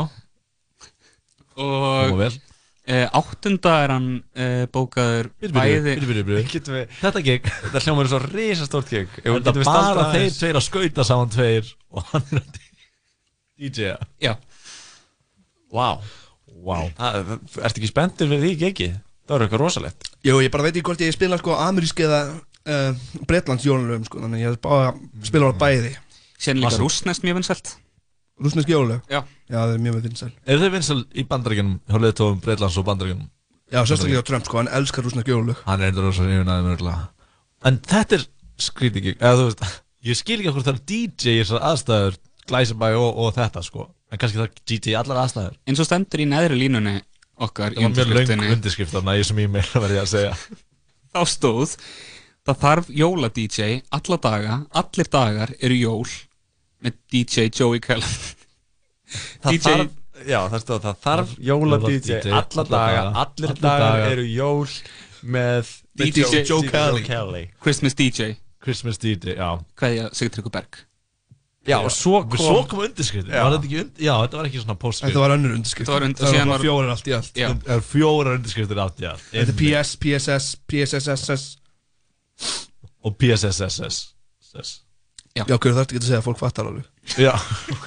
Já, en, já, já, ok, já Ná, hvernig segja það PS? Já, Sí, þetta En þetta er áhugaverð, þetta er spennandi gig. Sýttur ykkur, mér að spyrja er, er hérna er DJ Joe Kelly eini, eini kunnin þinn eða? Já. Og það, þetta er bara fu- full time vinna að vera með, vera með hann. Ég er að þessu allt árið að sinna þessu. Og e, e, e, eru þess að taka jólagig bara all, allan á sin ring? eins og stendur í þriðu línu við tökum við tökum jólagig allan ásins ring Já. allir dagar eru jól. Já. og öll tónlist er jólatónlist. Getur bara sagt uppátt fyrir okkur allar þessar undirskriftar ég, ég, ég, veit, ég veit ekki. Bara þeirra tilefnir til Ok, okay, ok, okay, þeir ok, lása hana ok, greinilega ok, ekki En náttúrulega sko, það er bara jólagig skilju Þannig ég spila hvena sem er en það er bara jólagig. Er það ekki lítið að gera í janúar til desember? mm, Trú ekki hvað er margir nöttur að núti sko. Aha. Er ekki Febrúar. crazy for Christmas sko. Getur ekki Þannig að með það dæmi um þú veist, gig í februar Í februar uh, Já, það heitir uh, Skamdegistunglindisballið og uh, það er fyrir sjósundsmenn í, í Nautalsvík Ekkert jólulegt so far En uh, var eitthvað jólulegt við það ámæli eða? Eh, Eða bara fengið jóla DJ fyrir það? DJ, DJ Jó í Kaliforníu er jólalögur. Ég veit. En þú voru að segja það er jólavenju allt árið í kvild ekki? Allt árið í kring. Já Þetta er ekki jóla uh, tilefni myndi ég halda. Sjósundsfólk sem er með skamdegistunglindi Já. Já, ok. Þið gerir kannski bara veisluna að jóla veislum Svo náttúrulega líka litla jólabúðin oft með einhverju partí. Einmitt, það er eina, eina kiki sem er dætt í hug sko, það er alltaf jól þar. Já, en svo er náttúrulega litla jólbúður um allan heim. Já Alltaf litlar. Já. Þetta er eitthvað svona international concept að vera með jólabúð Já, algjörlega. Að þú ert að bara hérna, túra um jólabúðir heimsins. Já, ég er náttúrulega þekktur þar sko. Og ertu það að spila inn í búðinni? Já, yfirleitt. Einmitt, bara í Ef maður skal februar. Spáni í Tenerife þá spila ég yfirleitt úti sko. Já, já, já. Sérstaklega á sömurinn Einmitt, einmitt. En jólalög? Jólalög, algjörlega, væntanlega. Þannig að þú ert bara á Spáni, Tenerife með jólasjónahúu einhverstaður út á ströndinni að spila jólalög í, á sömrin Já, sko, sko, þannig að gatan sem jóla, litla jólabúðin er á Spáni, sko, í tenni er þannig að þetta er Kumbia Street, sko, þannig að hún er fyrir eitthvað ofalega þannig í bænum. Já. Þannig ég er ekkert alveg beint að vera DJ á stöndinni Nei. En ég er samt á flip-flops og stuttbuxum og eitthvað svona. Með jólasjónahúu Já, með jólasjónahúu, væntanlega. Það er mjög flott. Já, fastur ofalega í strandbæ. Já. Einmitt, einmitt. Og mikil umferð í jólabúðina í februar Sko, þegar ég byrja DJ þá kemur fólki, sko. Aha. Ég er með nokkra hardcore aðdáðandi, sko, þannig að þetta er alveg endar að vera mjög gaman. Færð þú aldrei ógjaf jólatónlist? Nei Er sko flestir, þú Ég hef einustu fengið ógeð á jólatónlist, sko, þá fór ég í meðferð. Jóla, Jólatónlistar með það Ég er bara meðferð. Á- Áfengis og fíkn hérna. Já. hann, hann var háðið morfíni. Það hljómar eins og hafi bara verið háðið morfínu ekki tengt jólatónlist. Nei, ég fekk samt ógeð á jólatónlist á því tímabili. Þá, Á það var sama tíma þú varst háður morfíni þá Já, var það var ógeð. lágpunturinn fyrir mig, þá fatt að ég er komin alltaf djúft inn í þessi fíknefni. Ég Ég, fann að- að fara í meðferð. Ég fann að hata það sem ég elska. Já, nákvæmlega, nákvæmlega. maður. Og fórst í meðferð og, og einhvern veginn nær- lærið að finna ástina á jólatónlistin aftur Hann fór í meðferð um jólin Já. Hann var á Það var staðafelli sérstaklega slæmur. 24. desember Var hann, hvað segirðu? Og Hann var á staðafelli 24. Já, desember einmitt. Og forstöðumæðurinn sagði Mikið væri nú gaman að halda jólaball hér strákar Af því það eru bara kallmenn á staðafelli Og hann sagði Æ, hvað hann og sorglegt að það sé enginn sem getur valið Góða tónlist í meðferð núna Já, einmitt. Já.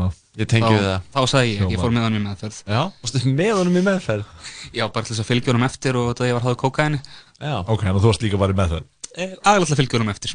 Ok. Eh, eh, Þá sagði ég Jói Jói, heyrðir það sem að forstöðumæðurinn var að segja? Guð, ég ætla ekki að endurleika þetta, þú verður bara að leika þetta sjálfur. Og, og hann sagði Já, na, ég heyrði það en ég, ég er hættur í leiknum og, og ég sagði, Jói Akkur, akkur spilar ekki nokkur lög? Og, og hann sagði Guður, láttu mig vera, ég er bara að lesa ég er bara að lesa þessa bók, ég ætla ekki að spila henni balli. Ég var þess að Karl Marx sko tímili gott að lesa Karl Marx. Hérna, já. Og ég sagði, Jói Þú þarft ekki að endurleika allt sem gerist sko. síðan kom hátegismatur Ok. og ég hætti, ég hætti hans að tala um þetta. Mhm. uh, það var lax í matinn. að það var lax í matinn. Svona na, sinnepsgleður lax. Uh, ég borðaði svona helmingin af því að ég var með, var með niðurgang dænaður um, þannig ég var svona svolítið lítill maður, hann var bara lítill í mér. Enda Já, sagði hann- DJ Hann er sko- hann er sko með IBS, hann er með Irritable Bowel Syndrome sko, þannig að það má ekki borða hvað sem er.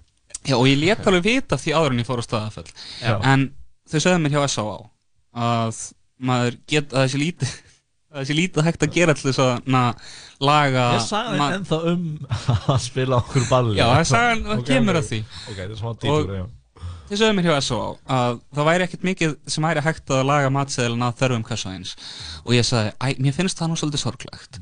En ég er háðkókaðinni og Jói, vinur minn á skjólstæðingur, er að fara í meðferð þannig að það er örgast að ég fylgja honum eftir. Og e, og Er það þá inn í sögunni, að Já, ég er ennþá í sögunni. Uh, Það náttúrulega kom aldrei upp tækifæri fyrir Jóa að spila á jólaballi á vogi af því að það var, það var bara hana, 20, 12 til 20 annar. Já, nákvæmlega. og, og þá samt kvíslaði Það henni er aldrei jólaböld 12. til 20. annan. Nei, ekki á vogi allavega. Og þá kvíslaði hann Jói, hvað með að halda balli hérna? Er þetta enn í matsalun núna? uh, Nei, við erum á vogi núna. Og Þú fórst aftur í tíma Það aftur í tíma í sögunni, já, ok og ég kvíslaði hann Jói, En við vitum að það virkar ekki núna Þetta er geraði annars en áður Setna í sögunni. Og hann sagði þá, þá sagði hann veistu það er svolítið, hann sagði, veistu það er svolítið góð hugmynd til þér Sigurtryggur Berg og þá spurði ég hann að Þórainn Tyrfingsson yfirleikni Þórainn, getur við haldið jólaball? Og hann sagði nei. Ah. og Ok, cut to að við erum komin sem sagt á hérna, hvað heitir það? Staðaskáli? Staðafell. Staðafell og, og já Ég spurði hann eftir hátuðismanda aftur Ég spurði hann, ætlar þú að leggja þig fyrir fundin í kvöld? Við kannum þetta að tala núna Þannig Joey California Ég er að tala við Joey California Ok, ok, ok. Við vorum herbyggisfélagar. Og af því ég sagði, veistu, ég er auksum að leggja mig Ætlar þú að leggja þig af því að ég er svolítið þreyttur Af því að mér neðugang í gær Mhm. En Joey sagði Joey sagði. Nei, ég ætla að halda áfram að lesa Karl Marx, Karl Marx. Uh, Og ég er að læra mjög mikið Mm. Og síðan útskýra hann fyrir mér Hvernig na, uh, verðmæti er Þarftu ekki að stólið segja úr það, höndum ekki að framleiðans. segja alls ekki að segja. Komast nára fyrir hljómar. Það er auðvitað best að Jói gerir það, hann gerir það kannski bara því búin með söguna. Síðan þegar ég vaknaði, veitu við hvað ég vaknaði? Nei. Var Jói að DJ-a? Nei, ég vaknaði vekjar á klukkuna mína. Mm, ok. Og ég fór fram og ég spurði Jóa Jói, Ertu að spyrja okkur við hvað vaknaði að það var eðlilega? Akkur varst að kvistla í þessum aðstæðum? Ég fór fram og ég spurði Jói, ertu búin að enduriksa málið? Og hann sagði Gauður, ég sagði þér, ég ætla ekki að endurleika þetta. Þú skalt bara segja þetta sjálfur. Fyrst fannst mér Jói vera dónulegur að endurleika ekki En nú skil ég af hverju þú ert ekki að endurleika Og þessi saga er búin að vera í kortir Já, nákvæmlega, ég er búin að vera að þurfa að stundum að leika Ég er alveg góða hálftíma þegar hann er að segja sögur. Þetta er ógeðslega þreytandi. Ég man ekkert alltaf hvað ég sagði. Hann manna alltaf. Þannig ég sé einhverju línu. Svo er hann bara leiðir eftir mér Og ég er bara, gauð, hætti þessi skilur Þannig núna fær hann bara að segja söguna sjálfur. Að ég er búin að fá mér nóg að þessu skilur Og hann sagði, býtu, ég ætla að fara á klósettið Og svo svaraði ég er Og hann kom á klósettinu og veitu hvað hann sagði þá? Hvað sagði þá, Jói? Segðu bara sjálf, ég það bara, það ekki. segðu það bara. Ég sagði já. Hann sagði já, nei þú sagðir ekki já. Þú sagðir ekki já, þú sagðir Ég skal DJ að segja tryggur Elsku besti vinur minn. Og þannig þá- gerðist þannig, Já, við, þessar, info, þetta var svarið við þessar einföldu spurningu. Sem ég man ekki svona hver er lengur sko. Spurningin var Af hverju byrjaði hann aftur að DJ-a Eftir að hann fekk ógi á jólalögum? Einmitt, einmitt, einmitt. Nákvæmlega. En þá veit en þá- menn. En þá veitum við það. Uh, við, við bara byggjum ykkur vel að lifa og segjum bara gangi ykkur ótrúlega vel í öllum sem jólagiggum sem að þið er að fara að taka ykkur fyrir hendur. Vil ég plugga næsta gig eða eitthvað slúðis? Næsta gig? Uh, já, sem sagt, næsta gigið er á Elli heimili grund Þar sem ég er að fara að spila nokkru, gömul, nokkru svona, gamli slagarar. Með EDM útgóðu Næs, spennandi. Við hvetjum fólk til að tjekka á því. Algjörlega. Takk fyrir komin að jólataltal Gleðileg jól.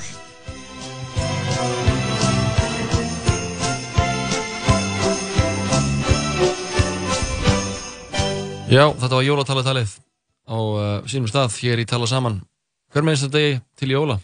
Ó já, spuna jóladagatali í bóði Gumma Fel, Pálma Freyðs og uh, gestir dagsins í dag voru þeir uh, Willem Netto og uh, Stefán Ingvar, grínistar. algjörlega og jói, nú er bara kvöldi framöndan það er náttúrulega komið, sólinn er búin að sittast það er kolniða myrkur úti Já, það er komin nótt það heila. er tíminn til að fara heim í kósi Já, borða mandarínur og, og gráta ofan í kottan. já, ég veit ekki betur um það býði mín vegan smákökur heimi á mér Ó! úr vegan smáköku deginu sem fæst í IKEA ég ætla bara að henda löflettu sjátáti shoutout á IKEA. IKEA er að er að gera sko mjög gott fyrir vegan fólk á Íslandi Já, RM. ég er þetta að fíla það að þau séu sé að sinna Okkur. sinna ykkur vegan fólkinu Það er þarna til dæmis komin ógeðslega góði vegan jólamatur í IKEA I don't know who needs to hear this Ah. en það er komin geðið vegan jólamatur í IKEA og svo er líka hægt að kaupa þarna þaraperlunar það eru líka vegan Mm, og það er þaraperlurnar. að keira inn þær. veist ekki hvað það er, það er svona Nei. e, þú getur gert vegan smörrebröð og það er svona þaraperlur svona Mm. bleikar í staðin fyrir hrogn kaviar minni ég Já veist hvað er að tala um Nei, veit ekki hvað það tala um Ok, jói, við förum yfir þetta eftir, förum yfir vegan smörrebröð, bara svona eftir þáttinn náttúrulega aðeins að því fyrir þér. Já Svo er það jómman á morgun, jómfrúin. Það var Jónfrán á morgun Nei, ég meina, eigum við kannski að gera það? Ég gæti þetta alveg kíkt á Jónfránar sko Já, ég veit það, ég get bara uppástunga. Ákveðin uppástunga Þetta er eitthvað svona til þess að gera í aðvendunni, svona hlutir.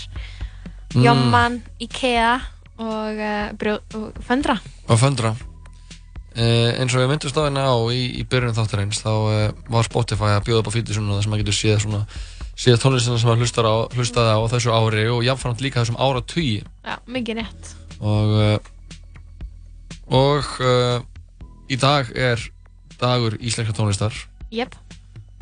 og mér langaði að enda þáttina að spila eitt lag af listanum mínum Mhm. sem var jafnframt líka á listanum mínum í fyrra Ú, interesting. Já, það er sömu lög eru bara þannig, ég með mikið af lögum sem eru ekkert frá árunum 2019 á listanum mínum. Sem eru samt bara svona lögin þín. Já, lögin hans Jóa sem hann hlustar á. Og uh, Hvaða lag er þetta, Jói? þetta er uh, engin annar en hann Völli. Nó, og lagið heitir Bíða.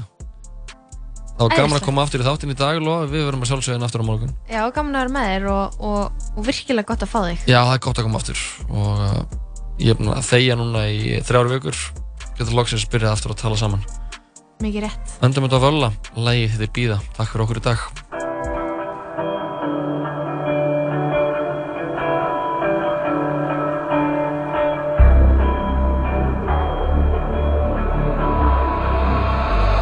Vaknaði seint og slefti skóla. Þeir ekki sjálfum mér fyrir hugsunum um þig sem tal frá enga skólastjóra Ég gleym alltaf öllu þegar ég horfi í augun á þér. Manstu þegar við viktum alla nóttina og hættum ekki að spjalla? Maður Kunum enga reglur svo við brutum alla reglurnar. Þegar sóli fór að rísa sagði þú við sjáumst vonandi aftur síðar. Og ég er búinn að vera að býða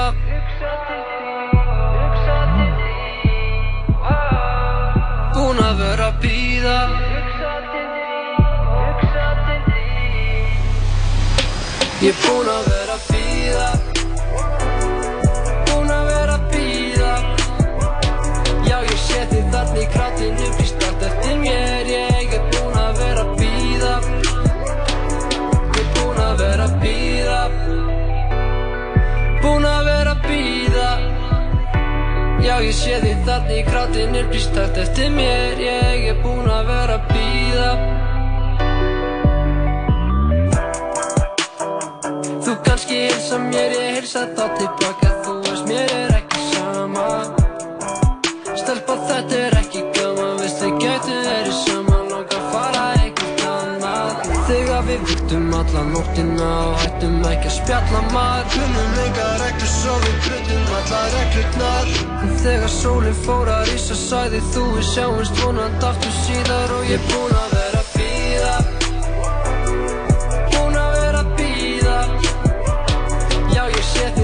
þig þarna í allt eftir mér. Ég er búinn að vera að býða Ég er búinn að vera að býða Búinn að vera að býða Já ég sé þig þarna í krátinu Býst allt eftir mér